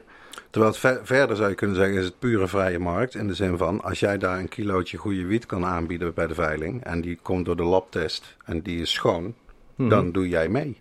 Nou, eh, dan doe jij mee. Het is nog veel grappiger. De veiling, dat is een, de Dodge Auction, dat is weer zo'n typisch Nederlandse uitvinding. Je pakt een klok en Ja. je zegt, ik verkoop deze wiet voor 2,50. En dan langzaam gaat die klok naar beneden. En als die eh, onder de 50 cent zit, dan denk jij als uh, grower, dan denk jij, ja, ik ga niet, die vind ik te laag. Ik ben er weg van. Ik ben er weg van, hè. Dit zijn eh, imaginaire bedragen. Ik, Ik ga doe hem doen. morgen. En dan valt hij van de markt af. Dat betekent dat je er olie van draait. En die Kan olie, ook. daar weten we ook heel goed wat we daarmee kunnen doen inmiddels. Of hars van maken. of hash van maken bijvoorbeeld, ja. En op die Ja, manier eh, verdomd. krijg je de mooiste bloemetjes, komen op het mooiste plekje terecht. En eh, ja, sommige maar Het sommige klinkt weer prachtig, As. Wat zeg je dat mooi. Ja, het is pragmatisch. De mooiste bloemetjes komen op de mooiste plekjes terecht. Ja. Schitterend. Ja, zeker weten. Maar goed, dat, eh, dat kwam eruit. En is er ook nog iets mee gedaan Ja, eigenlijk? er is een debat gevoel? geweest toen, hè? Ja, dat is best wel leuk. Pakhuis debat de geweest, Zwijger. Pakhuis de Zwijger. En, eh, Ben ik geweest. Ik ben nog Ja, eh, een paar Ja. keer met Vera ook nog gekletst daarna. En eh, ook met, eigenlijk nu ook rondom die wietproef. En Michiel van Nispen van de SP. Ja. Ook, moet ook genoemd worden. Ja, ja, ja. En eh, het, het, het, ja, eigenlijk de wietproef die is nu geschreven. En ik zie daar een klein beetje een ruimte in voor een veilingachtige constructie. En die, eh, Hmm. ik denk dat het echt heel mooi is om dat als coöperatie van telers... eh, Moet je wel heel goed te- kijken om dat te zien. Ja, dus eh, je moet eh, in 96 uur mag alle wiet bij de distributeur liggen. De, de waardetransporteur. Oké. Dus, Dus dan, zou zou je, dan, ja. ja, dan zou je een plek centraal in Nederland kunnen pakken waar de, de Big Safe, de Fort Knox van de distributeur zit. Waar dan eh, de, de, achter, de 80 coffeeshops met allemaal één afgezant, eh, één keer per eh, week, maand, you name it, mogen kijken, ruiken, voelen. En eh, zoiets. Dat hoop ik dat dat, eh, dat dat erin zit. Het zou te gek zijn. Het zou wel heel erg goed zijn. Ik denk dat, ja. dat, dat, dat, dat redt echt het, eh, dat is gewoon dat Nederlandse ondernemersgevoel. Het hoort daar, in mijn ogen hoort dat daarbij. Nou, interessant. Eh, je bent inderdaad al vijf, je woont in Amsterdam al 25 jaar. Hoe, Ja, eh, Ongeveer. Ja. Ja, zoiets. ja. 23. Hey, en waar kom je zelf vandaan? Ja, Brabant, hè? Dus Eh. eh, ja, uit als mam. Ja. maar uit, hier uit Eindhoven ook echt? Of, Nee, nee, nee, eh, ik ben in Nijmegen. Dus eh, daar ligt mijn hart. En eh, in Schaik eh, ben ik opgegroeid. Ah, Schaik. ja. Schaik. En hoe heb je die 25 jaar in Amsterdam ervaren? Wat is er veranderd? Dat is een leuke vraag. We hadden echt eh, hele vette vrijplaatsen in Amsterdam. En dat zijn er echt een stuk minder. En eh, de- ook eh, feesten, de feestscene is echt veranderd. Dus je hebt heel veel dure entreekaarten. Meer festivals dan dagen in de stad. Het toerisme is verdriedubbeld. eh dat maakt de stad gewoon echt, echt heel anders. De huizenprijs is, ik denk in die 23 jaar, eh 100 keer over de kop gegaan of zo. Het is, het is niet bij te houden. Heb je alles overwogen om dan te zeggen van... het wordt me een beetje te gek, ik wil weg. Je hebt ook kinderen. Ja, ja of- ik heb twee hartstikke lieve kinderen en we wonen hartstikke leuk. ook echt in het groen en we hebben het echt goed. Dit is echt een fantastische stad. ja, dat moet ik echt... eh, Je kan er als het ware veel uit weghalen. Ja. Dan is het nog steeds de moeite we waard. hebben er een Weet bootje en eh dan Hmm. vaar je door die stad en de- Ja. je hebt echt niks anders meer nodig. Toevallig hebben Rens en ik dat laatst ook weer gedaan. Ja. Een keer door die grachten en, te varen in een sloepje. De, de, is mooi, die, die, die afschuwelijke schietpartij waar ik het net over had, die heeft ook eigenlijk de buurt waar ik woon, waar het echt wel een heel bijzondere geschiedenis heeft, ook met criminaliteit en drugscriminaliteit, echt op een heel mooi been gezet. Eh, heel erg samen, we zijn een park begonnen en eh, ja, ik, ik, ik woon daar echt heel erg graag. Maar het is een, gewoon een grote stad en soms wil je eigenlijk even rust. Soms Ja. overwegen ik om terug te gaan naar Nijmegen of ergens eh, lekker achteraf Ja. tegen een dijk op te gaan wonen. Maar dat hebben we denk ik allemaal wel eens. Ja, dat denk ik ook wel. En ik heb ook nog een vrouw, hè, die heeft er ook wel over te zeggen. En die zegt, nee, ik wil in Amsterdam blijven. Ja, mensen worden verliefd op Amsterdam. Dat, eh, dat merk je echt wel. Ja. Ik wil het toch nog heel even hebben over eh, discriminatie en racisme. Voordat we Eh, voordat ik het vergeet vooral. Oké dan. nee, ja, ik vind, het, ik vind het mooi. eh, Jij woont sowieso wel in een multiculturele samenleving. Maar ik denk dat ik wilde vooral wel even eh, ja, benadrukken. eh, wat ik zo mooi vind aan deze cannabiswereld, cannabisindustrie en die community. Wat ik ook zie bij de skateboard eh, community. Is dat het inderdaad echt nooit uitmaakt of dat je nou zwart, wit, bruin of Daar, Chinees daar bent. is integratie wel gelukt, ja. Dat is echt. ehm, ik bedoel, bij skateboarden zag je altijd al van vroeger al. niet alles. eh, Als je gewoon goed kon skaten en je had een vette stijl, dan was je gewoon, hoorde je, was je gewoon vet. En dan maakte het echt niet uit. Echt iedereen keek op tegen juist de donkere type skateboarders, omdat die vaak een mooie stijl hadden. En eh, ja, dat, dat, dat, dat zag je graag. En ook inderdaad, ik ben nou, ik heb vier jaar in de koffieshop eh, gewerkt. Wat ik het echt, wat ik vaak dacht van, wauw, dit is zo'n mooi moment. Hier zou ik echt graag een foto van willen maken. Want wij hadden bij de Tourmalijn een hele lange bar. En dan zie je gewoon alle soorten kleuren, maatschappij, culturen door elkaar heen, langs Leeftijden. elkaar zitten. Die gewoon inderdaad, het, nu mag het niet meer, maar een jointje met elkaar deelden. Maar vooral ook gewoon goede gesprekken, goede discussies. Eh je kreeg Geen gelal, maar inderdaad, goede... ja, en, Gesprekken. en, en- nou, echt praktisch. Tot nooit heb ik een, in vier jaar tijd een, een vechtpartij daar meegemaakt. Dus eh, ja, kijk, en nou, eh, je, je ziet het nou veel, is het is nou echt wel... eh, Ik vind, het- ik vind dat je, dat je mooi dat je het vanaf die kant belicht, maar ik zie het eigenlijk dat de hele Black Lives Matters zie ik echt van een hele andere kant. Die drugswetten zijn in hun hart Dat is waar. racistisch. ja, precies. dat, Het maar- hele drugsverbod is in hun hart racistisch. dat wilde ik eigenlijk ook nog wel... Komt het vandaan, ja. ja. Het is wel... die eh, hele Ed Enslinger, die, die, nou ja, eh, het was echt een racist, fascist. En eh, de jazz verbieden en eh, de- dat, dat soort onzin, eh, de jongere cultuur. Nou, dat, dat verhaal hoor je natuurlijk heel vaak van Enslinger, Reefer Madness. Het is ook belachelijk, het is bizar. Je kan het eigenlijk bijna niet geloven als je erop eh, gaat teruglezen. Maar wat ik eigenlijk nog relevanter vind, is eh, twee dingen. Ik heb laatst ook weer een column over geschreven over de racistische oorsprong van het Ja, cannabisverbod. goeie was dat. Nou ja, Nixon, hè? Ja, het Ehrlichman interview, wat in Nederland dan nul war aandacht krijgt, is een man die gewoon als topadviseur van Nixon klip en klaar uitlegt. ja. We konden het niet verbieden om tegen de Vietnamoorlog te zijn. We konden het niet verbieden om zwart te zijn. Dus gingen we wiet en heroïne gebruiken. De wiet Als voor de hippies tegen slaan. de oorlog. En de heroïne tegen de zwarte toekoer. Ja. Dan konden we alles doen. We konden ze altijd stoppen. We konden elke vergadering opbreken. Alles. Die man die zegt het gewoon zoals het is. Dus niet alleen is die oorsprong heel racistisch, maar het werkt nog steeds zo. Ja. Want ook na Nixon, dan kom je bij, vind ik nog een echt een mijlpaal eh, boek, eh, de nieuwe Jim Crow.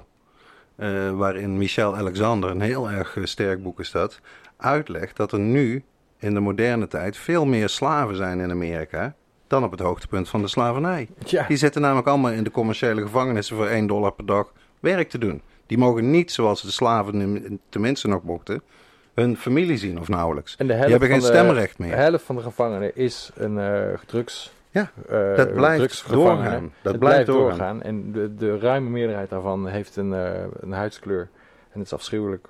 Bijna al die gevallen die we kennen van die schokkende video's waarin zwarte mannen worden mishandeld of vermoord door politieagenten, dan is de aanleiding gewoon drugs. Stop and search. Stop and search Ja. drugs. Als je dat weghaalt, dan hebben ze alweer een stuk minder reden om dat te doen in ieder geval. Daarom eh, toch, eh, ja, toch wel in ieder geval een interessant puntje. En het laat duidelijk zien dat we inderdaad de cannabisgebruikers en in ieder geval de, de psychoactieve middelen consument. ja, eigenlijk in principe ook al die jaren Is wordt gediscrimineerd. En wordt eh, gediscrimineerd. ja. Nou ja, en nog eh, steeds met zoiets als die coffeeshops laten eh, dicht per se moeten zijn. ja. Tot 1 september, terwijl je met 100 man in de kroeg mag zitten. Ja. Mag je niet in je eentje een kopje koffie, datzelfde kopje koffie drinken in jouw koffieshop? Nee, dat mag niet. Ja, het is het is Heel bizar. En, en gewoon discriminatie. En ook, ik vond ook de wietpas, bijvoorbeeld, om maar een dingetje te noemen. Als wij in België moesten weigeren op hun afkomst, Ja. of waar ze vandaan kwamen, voelde voor ons puur discriminatie. Tuurlijk, wat de rechter daar Ze, ook ze van mochten zegt. wel de kroeg binnen, maar oh Ja. als die Belg een jointje rookte, want dan, eh, oh, dan kreeg je misschien honger en dan ging je naar de snackbar. Maar, nou, die eh, gaan we keihard terugkrijgen. Breda wordt een ingezeten criterium. Hè? ja, Dus de, en er komen heel veel telers. En er gaan eh ingezeten criterium in worden gevoerd. Ik zal jullie nog iets veel Engels Dat wordt, vertellen. eh, wordt heel apart. wat August de Pla- Loor ook tegen mij Ik zei denk dat de daar nog wel spijt van krijgt. Dat er toch echt wel serieus wordt nagedacht over het I-criterium invoeren in Amsterdam. Om de toeristenstroom en de prettoerisme de kop in te drukken. Dat zou natuurlijk echt de... De doodsteek voor Amsterdam. zijn. Beter verhogen ze de prijs van de vliegtickets naar onze stad. Ja, dat, dat lijkt me ook een betere optie. Echt, echt een veel betere optie. Die, die, ik, ik zal nooit de voetbalwedstrijden in de stad vergeten. Hoe blij we zijn met onze coffeeshops in vergelijking met al die steden die geen coffeeshops Ja. hebben. Hoe ontzettend relaxed de supporters. Hier in Eindhoven zelden laken een pak. De grootste risicowedstrijd van het hele toernooi, dat was Turkije tegen Engeland. Echt de hoolies tegen elkaar. Die Mhm. zaten allemaal in de shop. En toen heeft één politieagent, ik vind het zo jammer dat ik dat artikel ben kwijtgeraakt, want ik heb het wel uitgeknipt destijds, ook gewoon toegegeven in de krant. Laat al die voetbalmensen alsjeblieft lekker in de koffieshop, we hoeven niks meer te doen. Ja. Zo werkt het natuurlijk, hè. dat weten we allemaal. Laatste, laatste onderwerpje wat ik, wat ik graag met Has zou willen bespreken. En dan gaan we door naar de oude doos. Is eh, dat je al een tijdje lang jezelf hard maakt voor een studierichting of een masteropleiding psychoactieve middelen. Onder meer met het Psychotropica Instituut. Yes. Een hele mond vol, vooral voor mij met een dyslexie. eh. Ik vind dat je het eh, vlekkeloos hebt gedaan, Rens. Ik ook. Ik, ik eh, dankjewel. Bravo. Nieuw woord. Ja, hop, mag, mag ook een keer gezegd worden. Absoluut. Nee, ik, ja, zou je daar wel meer over Wat was je ook weer aan het roken? Onthoud dat. Eh, Rieken. Ja, dat moet Oh, een- baby. Psychotropica, lieve mensen, is eh, waar eh, wetenschap eh, over psychoactieve middelen samenkomt met eh, de, de interdisciplinariteit die het is. Het is helemaal niet zo ingewikkeld, eh, de psychoactieve middelen, maar het is extreem interdisciplinair. Ja. Het gaat over war and peace, het gaat over sociale studies, het gaat over medicijnen, het gaat over chemie, het gaat over landbouw, het gaat over economie, het gaat over psychologie, het gaat over neurologie, het gaat over politicologie. Strafrecht. Natuurlijk. Strafrecht, ex, weet je, je, je- you name it, behalve natuurkunde. Geschiedenis. nou, natuurkunde ook niet ook? Nou, ik ben natuurkundige, hoe vind ik dat ik In de zin van wat je met stoffen kan doen? Of is dat toch meer scheikunde? De, hè, de, de near-infrared spectrograaf, eh, de, de, de test- de analyseapparatuur, dat is allemaal, zou je natuurkunde, scheikunde kunnen noemen. Hè? Zie je nou wel. Wij zijn toch allemaal natuurkundige experts? Precies. Ik zit de hele dag Maar in ieder geval, mijn eh, eh, in het groen. Ik, Een heel ik, specifiek stukje natuur. ik ken maar geen toch. ander subject wat zo interdisciplinair is als psychoactieve En wat wil interdisciplinair eh, noemen? Interdisciplinair betekent dat hè, die dingen die ik net noemde, dat zou je als een soort zuilen kunnen zien Allemaal op disciplines. universiteit. Het zijn Ah, disciplines. ja, het Je- zijn ik- allemaal vakgebieden Ja, ik studeer wiskunde. Dan leer je alleen maar alles over wiskunde. En toevallig leer je ook een beetje over scheikunde. Maar het wordt heel moeilijk om iets te leren over psychologie. Want dat is echt een vreemde eet in de wijd. Ja. En dan komen psychoactieve middelen. En die proberen eigenlijk al die disciplines aan elkaar te binden. Want in iedere discipline poppen professoren uit. Die echt goede research doen Ja. over hun vakgebied. Over psychoactieve middelen. Echt met Absoluut. baanbrekende resultaten. Dat je denkt, aha, zo zit het. En omdat het zo interdisciplinair is, eh, wordt het heel ingewikkeld. Het is niet per se moeilijk. Het is net iets boven de propenduizen van al die studies. Wat we als maatschappij nodig hebben, zijn mensen die daarin kunnen werken, die daarmee kunnen werken om, om de problemen door die middelen, die er echt zijn, daar hoeven we onze ogen niet voor te sluiten, om die problemen zo klein mogelijk te maken. En, eh, En, en de mogelijkheden zo groot mogelijk te maken. Toch de potentie en positieve ja, zin de, van psychoactieve middelen. aanzetten daarmee. Niet alleen banenmotor. Nee, je ja. hebt het natuurlijk ook over medicinaal. Ja, je hebt het over depressietherapie met ecstasy en de paddenstoelen. Ieder middel heeft, eh, heeft zijn eigen vakje waarvoor het heel erg goed is. Hè. MDMA is bijna door zijn phase 3 heen. Ik denk dat dat over anderhalf jaar hier in de schappen ligt voor psychotherapeuten. Om jou Precies. van je posttraumatische stressstoornis Ja, af te helpen. ik echt, Dus eh, ik denk dat je het altijd moet hebben over wat je zegt. Het minimaliseren van de negatieve effecten die zoiets kan hebben. het, En het eh, maximaliseren. in Nederland die poppen op. En dat is echt heel helpvol als jij eh, echt Ja. een groot probleem in je leven hebt. Geef iemand PTSD. ketamine en eh, je hebt drie maanden de tijd om het probleem op te lossen van diegene. Eh, dat, dus iedere, iedere stof, de, de, de microdosing, die studies die er worden gedaan, die zijn echt baanbrekende resultaten komen eruit. Near, near, near, near death anxiety is echt een afschuwelijk eh, ziektebeeld. Wat je kunt oplossen met een goede dosis paddenstoelen. Pardonnez-moi, hoe vet einde kun je dan hebben in je leven? Clusterhoofdpijn.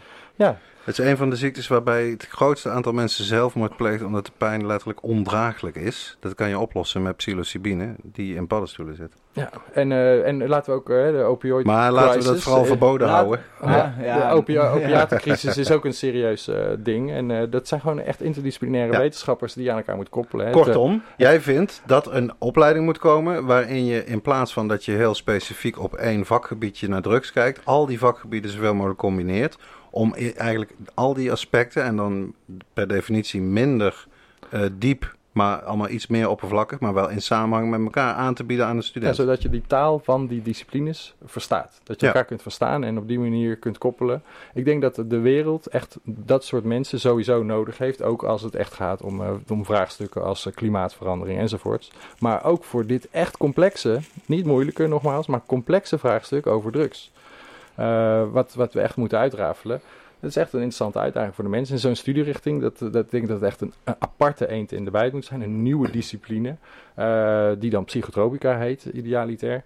Ehm, en eh, die, die ook heel snel zijn vervolg vindt op HBO-niveau. Want dat is waar, de plek waar we ze nodig hebben. Maar dit HBO mist de feitenkennis, omdat die zo versplinterd is op dit moment. Nou ken ik jou al wat langer dan Ja, vandaag. Sinds Wenen, hè? Has. Ja.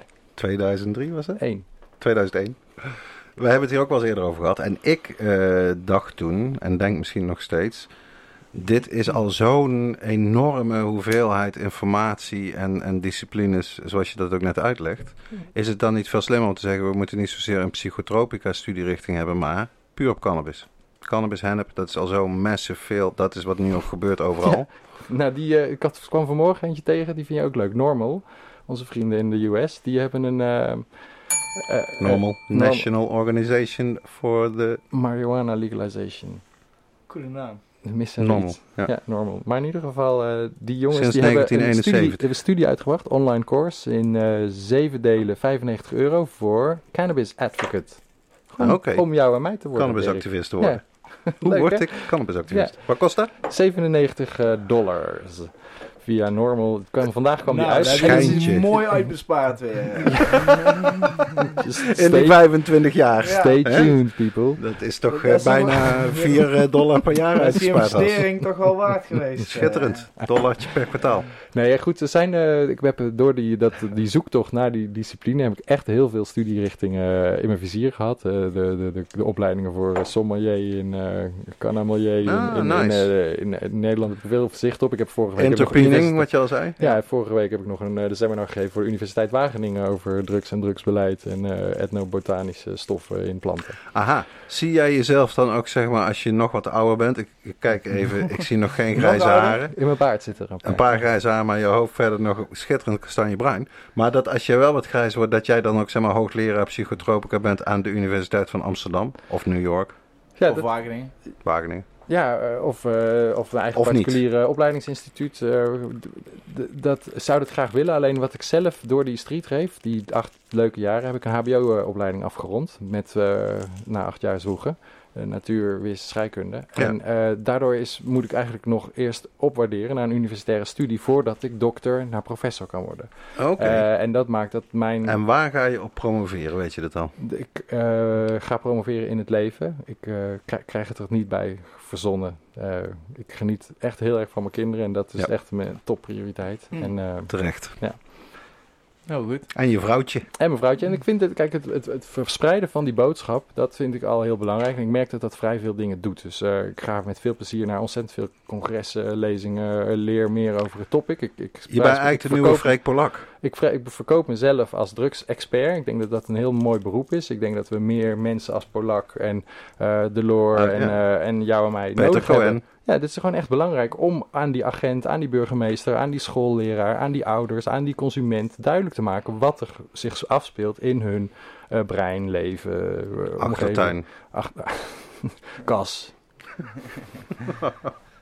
Ja, ja, ja, dat is- dat is heel goed. Ja. Ik hoop dat het lukt. Ik hoop in ieder geval Hmm. eh, dat het in ieder geval Nou ja, eh, voortgang... eh, psych- Als het, als het is- toch ergens ter wereld zou moeten kunnen, dan zou het toch in Amsterdam moeten zijn. Ja, in Nederland in ieder geval. Vind ik, eh, ik vind het een hele Amsterdam. logisch, heel logisch. Kijk, en er is in Amsterdam heb je een summer course. Die, eh, die, die doet het heel erg het sociologische gedeelte. Er is een HBO eh, minor drugs in Amsterdam. Die gaat over cocaïne, cannabis en MDMA, lokaal, Dus internationaal. er is in ieder geval wel iets. En nationaal. Ja, en die dingen die, die lopen als een speer. Die worden echt Hmm. veel gevraagd. De, de EMC-DDA die heeft ook echt een mooie opleiding staan van twee weken. Ik heb zelf ook wel eens een gastles gegeven aan een gezelschap Ja. van studenten die En dat het deed. gekke is dat vooral de, dus de studenten willen echt heel graag. Er is in deze tijd, eh, de, vorig jaar deze tijd in Amsterdam, was er iedere avond een lezing over psychoactieve middelen. Kun je nagaan, zo'n hot topic is het. Uitverkocht, bijna allemaal. Ehm, en eh, de studenten willen heel graag, de docenten, de, de, de experts in hun discipline, die willen heel graag. Alleen waar gaan die mensen werken? Dat is een hele rare vraag eigenlijk. En die, door de prohibitie wordt dat de hele tijd weer afgeremd. Die mensen zouden dolgraag willen controleren of jij je houdt aan de regeltjes Ja, die je als wetenschapper hebt bedacht. Maar dat zijn toekomstige banen die nu nog niet bestaan. wil Ja, je zeggen. en je kunt ook niet legaliseren zonder dat je die experts hebt. Dus het is een slang die zich in de staart bijt en eh, ja, just keep on pushing. En, Een, eh, eh, een kip-ei-discussie binnen de psychotropica-wereld. ja, Zo, eh, interessant. Met een slangenei dat zichzelf... eh, en het lukt alleen met jullie niet aflatende hulp. Wat was er eerder, de plant of het zaadje? Wel, eh, die moeten we misschien een eh, eh, complete aflevering aan wijden aan die vraag. Het wordt niet de prijsvraag, dames en heren. Dan, De prijsvraag Nou, komt er wel aan trouwens. Hè? Blijf Hmm. luisteren, Ik want vind dit wel een goede vraag voor de prijsvraag. Niet alleen wordt deze aflevering gesponsord door eh, Super Sativa Seed Club. We hebben ook echt hun zaden eh, voor de prijswinnaar van de nieuwe prijsvraag. Die, eh, die vraag eh, gaat, het is eigenlijk over geschiedenis en cannabis die jij stelt. En ik heb daar een paar interessante lezingen over gevolgd. En eh, het zaadje is, eh, we hebben resten van eh, plantmateriaal gevonden nog geen maand geleden in Israël in een eh, christelijke kerk eh, op een eh, altaartje. En dat was van bladafval. Die waren Met THC en CBD wel Ja, die waren geïdentificeerd. 5.500 jaar oud, die resten. Eh, en zaad blijft niet zo heel lang goed op een of andere manier. Zelfs niet in klei. Op een gegeven moment vergaat het toch. Het, het, het fossiel van zaad is niet echt, Maar de vezel? echt goed te vinden. Ook de vezel die verdwijnt op een gegeven moment. Dus ouder dan, dan 10, 15.000 jaar hebben we geen bewijzen van het bestaan van cannabis. Behalve dat de pollen van de mannelijke plant, die heeft zich uiteraard ook verspreid in 50% verhouding. En die vinden we terug 150.000 jaar geleden op het Mongolian plateau. Hetgeen betekent dat op het moment dat de mens in ontwikkeling was, een Neandertaler mens, was er allemaal nog niet of nauwelijks, maar het was er, waren er cannabisplanten. Onze beste vriend uit Dus het wat was er eerst? De zaadje of de plant? Het was de pollen, de mannelijke zaden. Schitterend, schitterend. Ik zeg, eh, Nee. tijd voor de oude doos. Daar ook wel de Tree of Life uit vandaan, hè? dat dus. Eva uit die rib van eh, die man, die Adam, eh, nee, Eva is zelf een rip, hè? Een rip uit het lijf van Adam. Ja, hè? precies. Dus de- het was eerst de man. Kan je wel uit schaai komen, maar God, dit soort basic eh, katholieke informatie is Ja. toch weggezakt. Ja, Komt natuurlijk omdat je op je 16 als een gek ging blowen. Ja. Ja, ik zeg we gaan naar de oude doos. Anders eh, wordt het weer net zo lange aflevering als die van August Oei. eh, die Mensen we- wachten op de prijsvraag, want er zijn echt topzaden te winnen. Ook dat. Ik zeg eh, Dirk, wat zit er dit keer in de oude doos?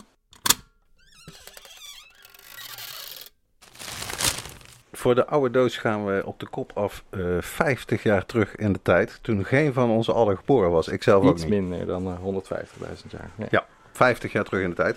Namelijk naar het Holland Popfestival. Dat van 26 tot en met 28 juni 1970 plaatsvond in Rotterdam. Kralingen, het Kralingse Bos. Eh, daar is eh, op zich positief, vind ik. Erg veel aandacht voor, eh, ook in grote media. Er is een documentaire uitgekomen, er is een boek volgens mij ook. Het was het begin van het Nederlandse gedoogbeleid. Dat bedoel ik. En daarom vond ik dat wel een passend onderwerp eh, voor deze oude doos. Ik heb even teruggezocht. We hadden vorige keer in de oude doos volgens mij Haai in de Rij. Wat Ja. veel minder bekend is dan het Holland Pop Festival. Was indoor. maar daar kon ook al gerookt worden. Als Amsterdammer te grappig, jongens. En Haai we- in de rij. En de luisteraars mogen ook nog steeds de vraag beantwoorden of Jimi Hendrix daar nou wel of niet heeft opgetreden. Want ik heb toch sterk het idee dat het wel is, maar ik heb er nog geen eh, betrouwbaar bewijs voor kunnen vinden. Eh, over eh, het Holland Pop Festival is de line-up wel makkelijk te vinden. Er staat gewoon op Wikipedia. En dat is toch wel, als je, ik heb er even een paar namen uitgehaald. Eh, Pink Floyd, Santana, Jefferson Airplane, The Birds en ook CCC Folk and Blues Inc. wat zeg maar de eerste versie van Doe Maar eh, was, die stonden daar allemaal in datzelfde weekend eh, op het hoofd of bij het podium. Ook het Nederlands Danstheater eh, was erbij betrokken. En Walking Water Events, dat zie je ook nog wel op die documentaire beelden. Dat zag er schitterend uit op van die doorzichtige grote ballen. Eh, naakte danseressen die dan over de plas heen bewogen en zo. Dat was Kan allemaal niet? Het is een schande. Nou ja, dit, dit vond ik namelijk ook, eh, dat wil ik ook even voorlezen. Want eh, naast eh, alle muzikale geweld wat er te beleven was en, en alle joints die er gerookt werden, was er verder gratis kamperen, gratis medische verzorging, parkeerterreinen, boutiques, lekker luieren in de zon, goedkoop eten en drinken, kunstmarkt, filmprogramma, zwemmen in de Kralingse plas, kindercrash, kinderboerderij aanwezig, kinderen beneden de 10 jaar, gratis toegang. En dat geeft toch ook wel een aardig beeld van, eh, ja, dat is, het is de moeder alle popfestivals. Wat is Zeker de- voor Nederland. De Dutch Woodstock. De Dutch We Woodstock. zijn nu in de gelegenheid om een nieuwe popfestival uit te vinden. Hè? De Amsterdamse parken zitten in ieder geval ramvol. Er Anderhalve meter pop. één, ja, er hoeft maar één soundsystem aangezet te worden en iedereen die, die, Die gaat komt. dansen. Dus die, dit, eh, ja, dat is wel een interessant dingetje.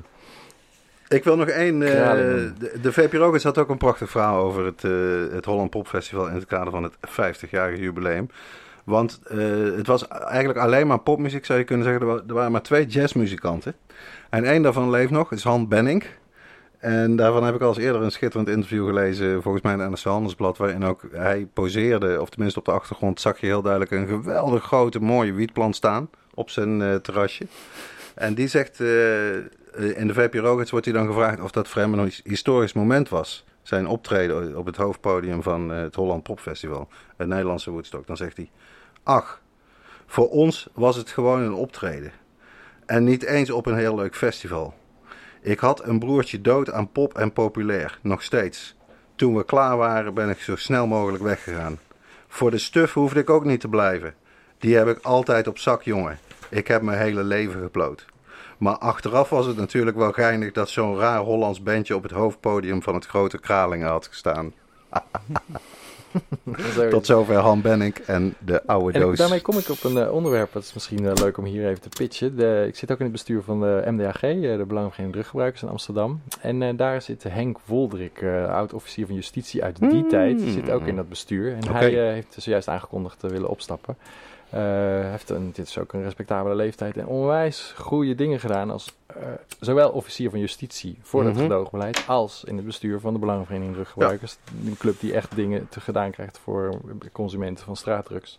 Ehm, maar goed, wie weet is er hier een luisteraar die zegt... Hey, Ik wil in het bestuur van de MDAG. eh, ik wil in het bestuur van de MDAG.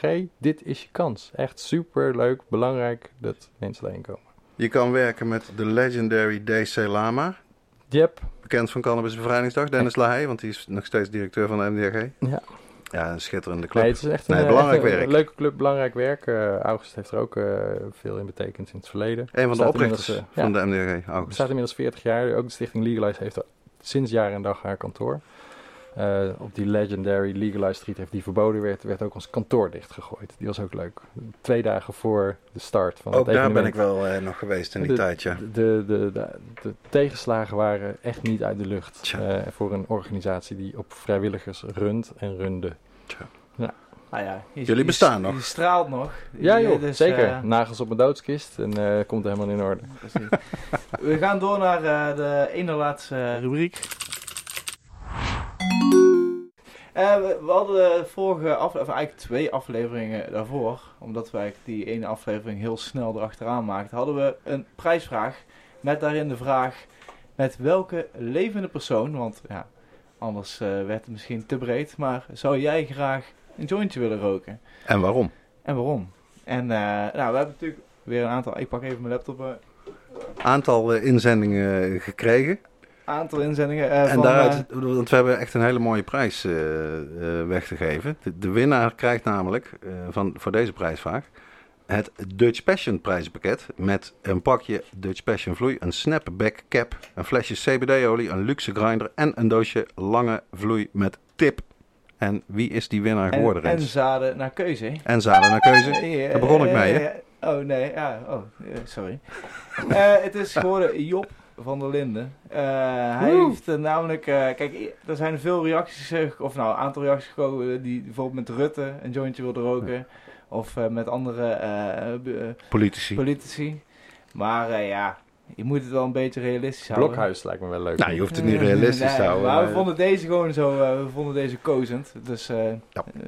en eh, die stuurde, beste jongens van de High Tea podcast, ik zou graag een jointje willen roken met mijn moeder. Ze is namelijk de allerliefste en het is al zeker acht jaar geleden dat we voor het laatst een jointje hebben gerookt. Daarom. Dus groetjes, Job dat vind ik echt een leuk idee. Ik zou, PS, ik zou graag de feminized Mokum Tulip Seeds van Dutch Passion. Oeh, een uitstekende Ja, keuze. we hebben Hey, hier te maken met een kenner, maar... Ik heb die Ik wel heb net bij, gerookt, eh, ja. bij ons mams heb ik eh, een uh, neergezet. Dat eh, Ah, zou ik heel leuk vinden. Ja, om dat die, zijn goede Maar is ze al zover of ga je ze maar een soort stap-voor-stap tactiek toepassen? Nou ja, ze is wel zover. En, eh, het- ik, weet, ze wiet ik, weet, huis? ik weet ook dat toen ik geboren werd, toen hingen er wel planten aan de zolder. Maar dat was Mhm. meer omdat ze zo ook happy's waren dat ze, dat ze Hoorden dachten dat het oké was, hoorden er gewoon bij. Ah. Eh, dit, maar echt roken, ook ze hebben nooit, altijd. nooit geïnhaleerd You never inhaled. Ja.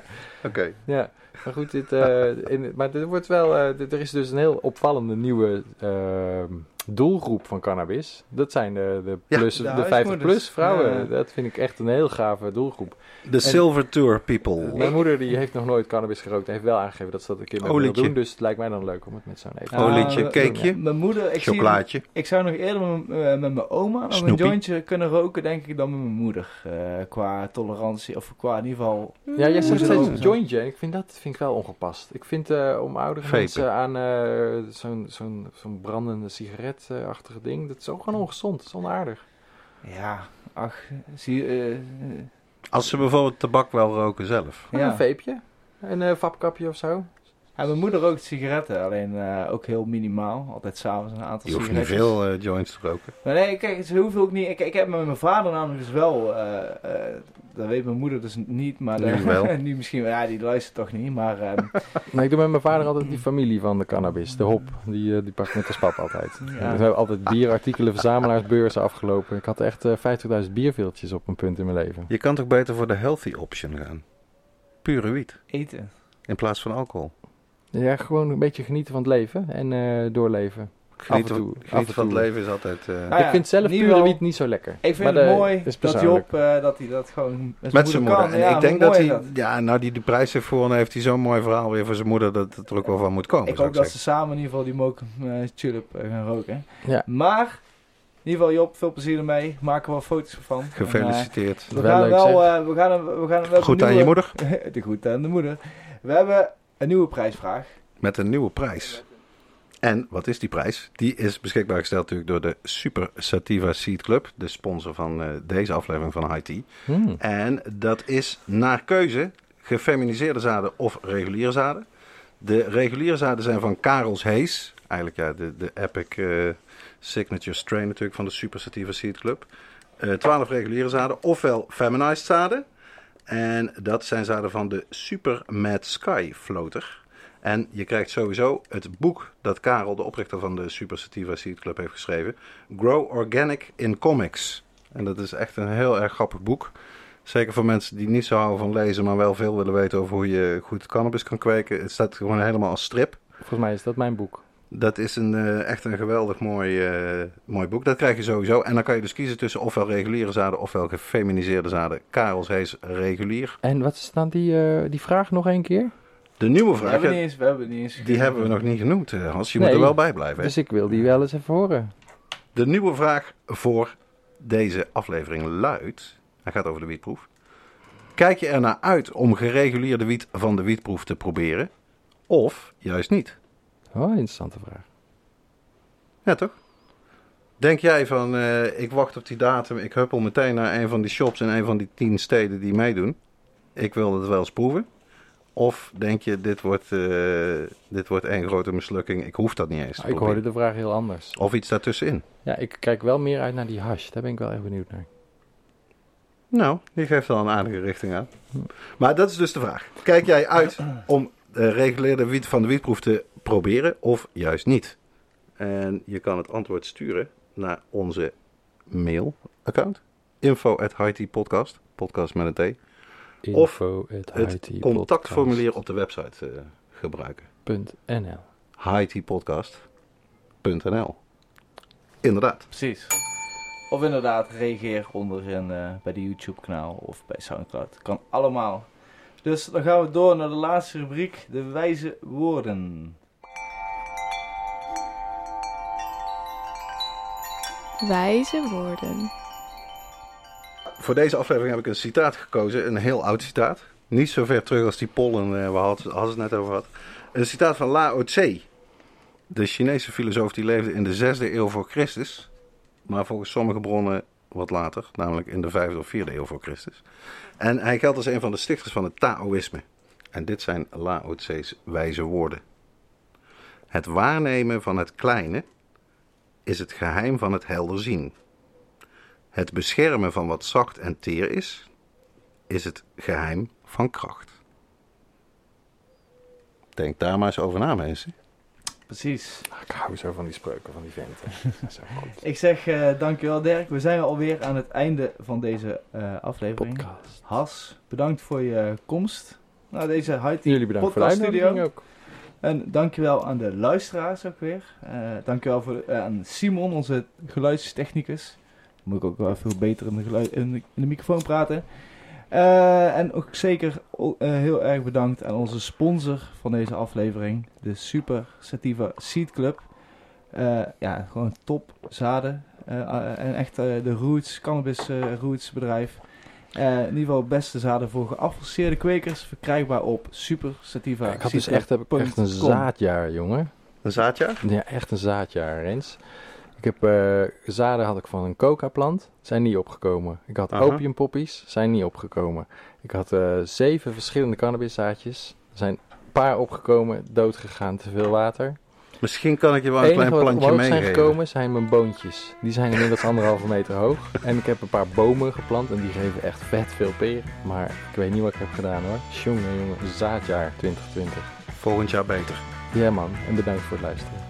Tot de volgende. Tot de volgende.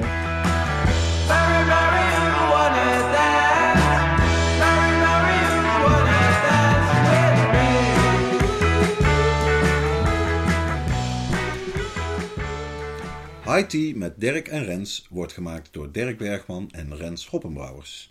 Onze tune is Marijuana van Moon. Beluister de muziek via iTunes en Spotify. Volg Tea op Instagram, at High Tea Podcast, met een T. Ons mailadres is highteapodcast at gmail.com.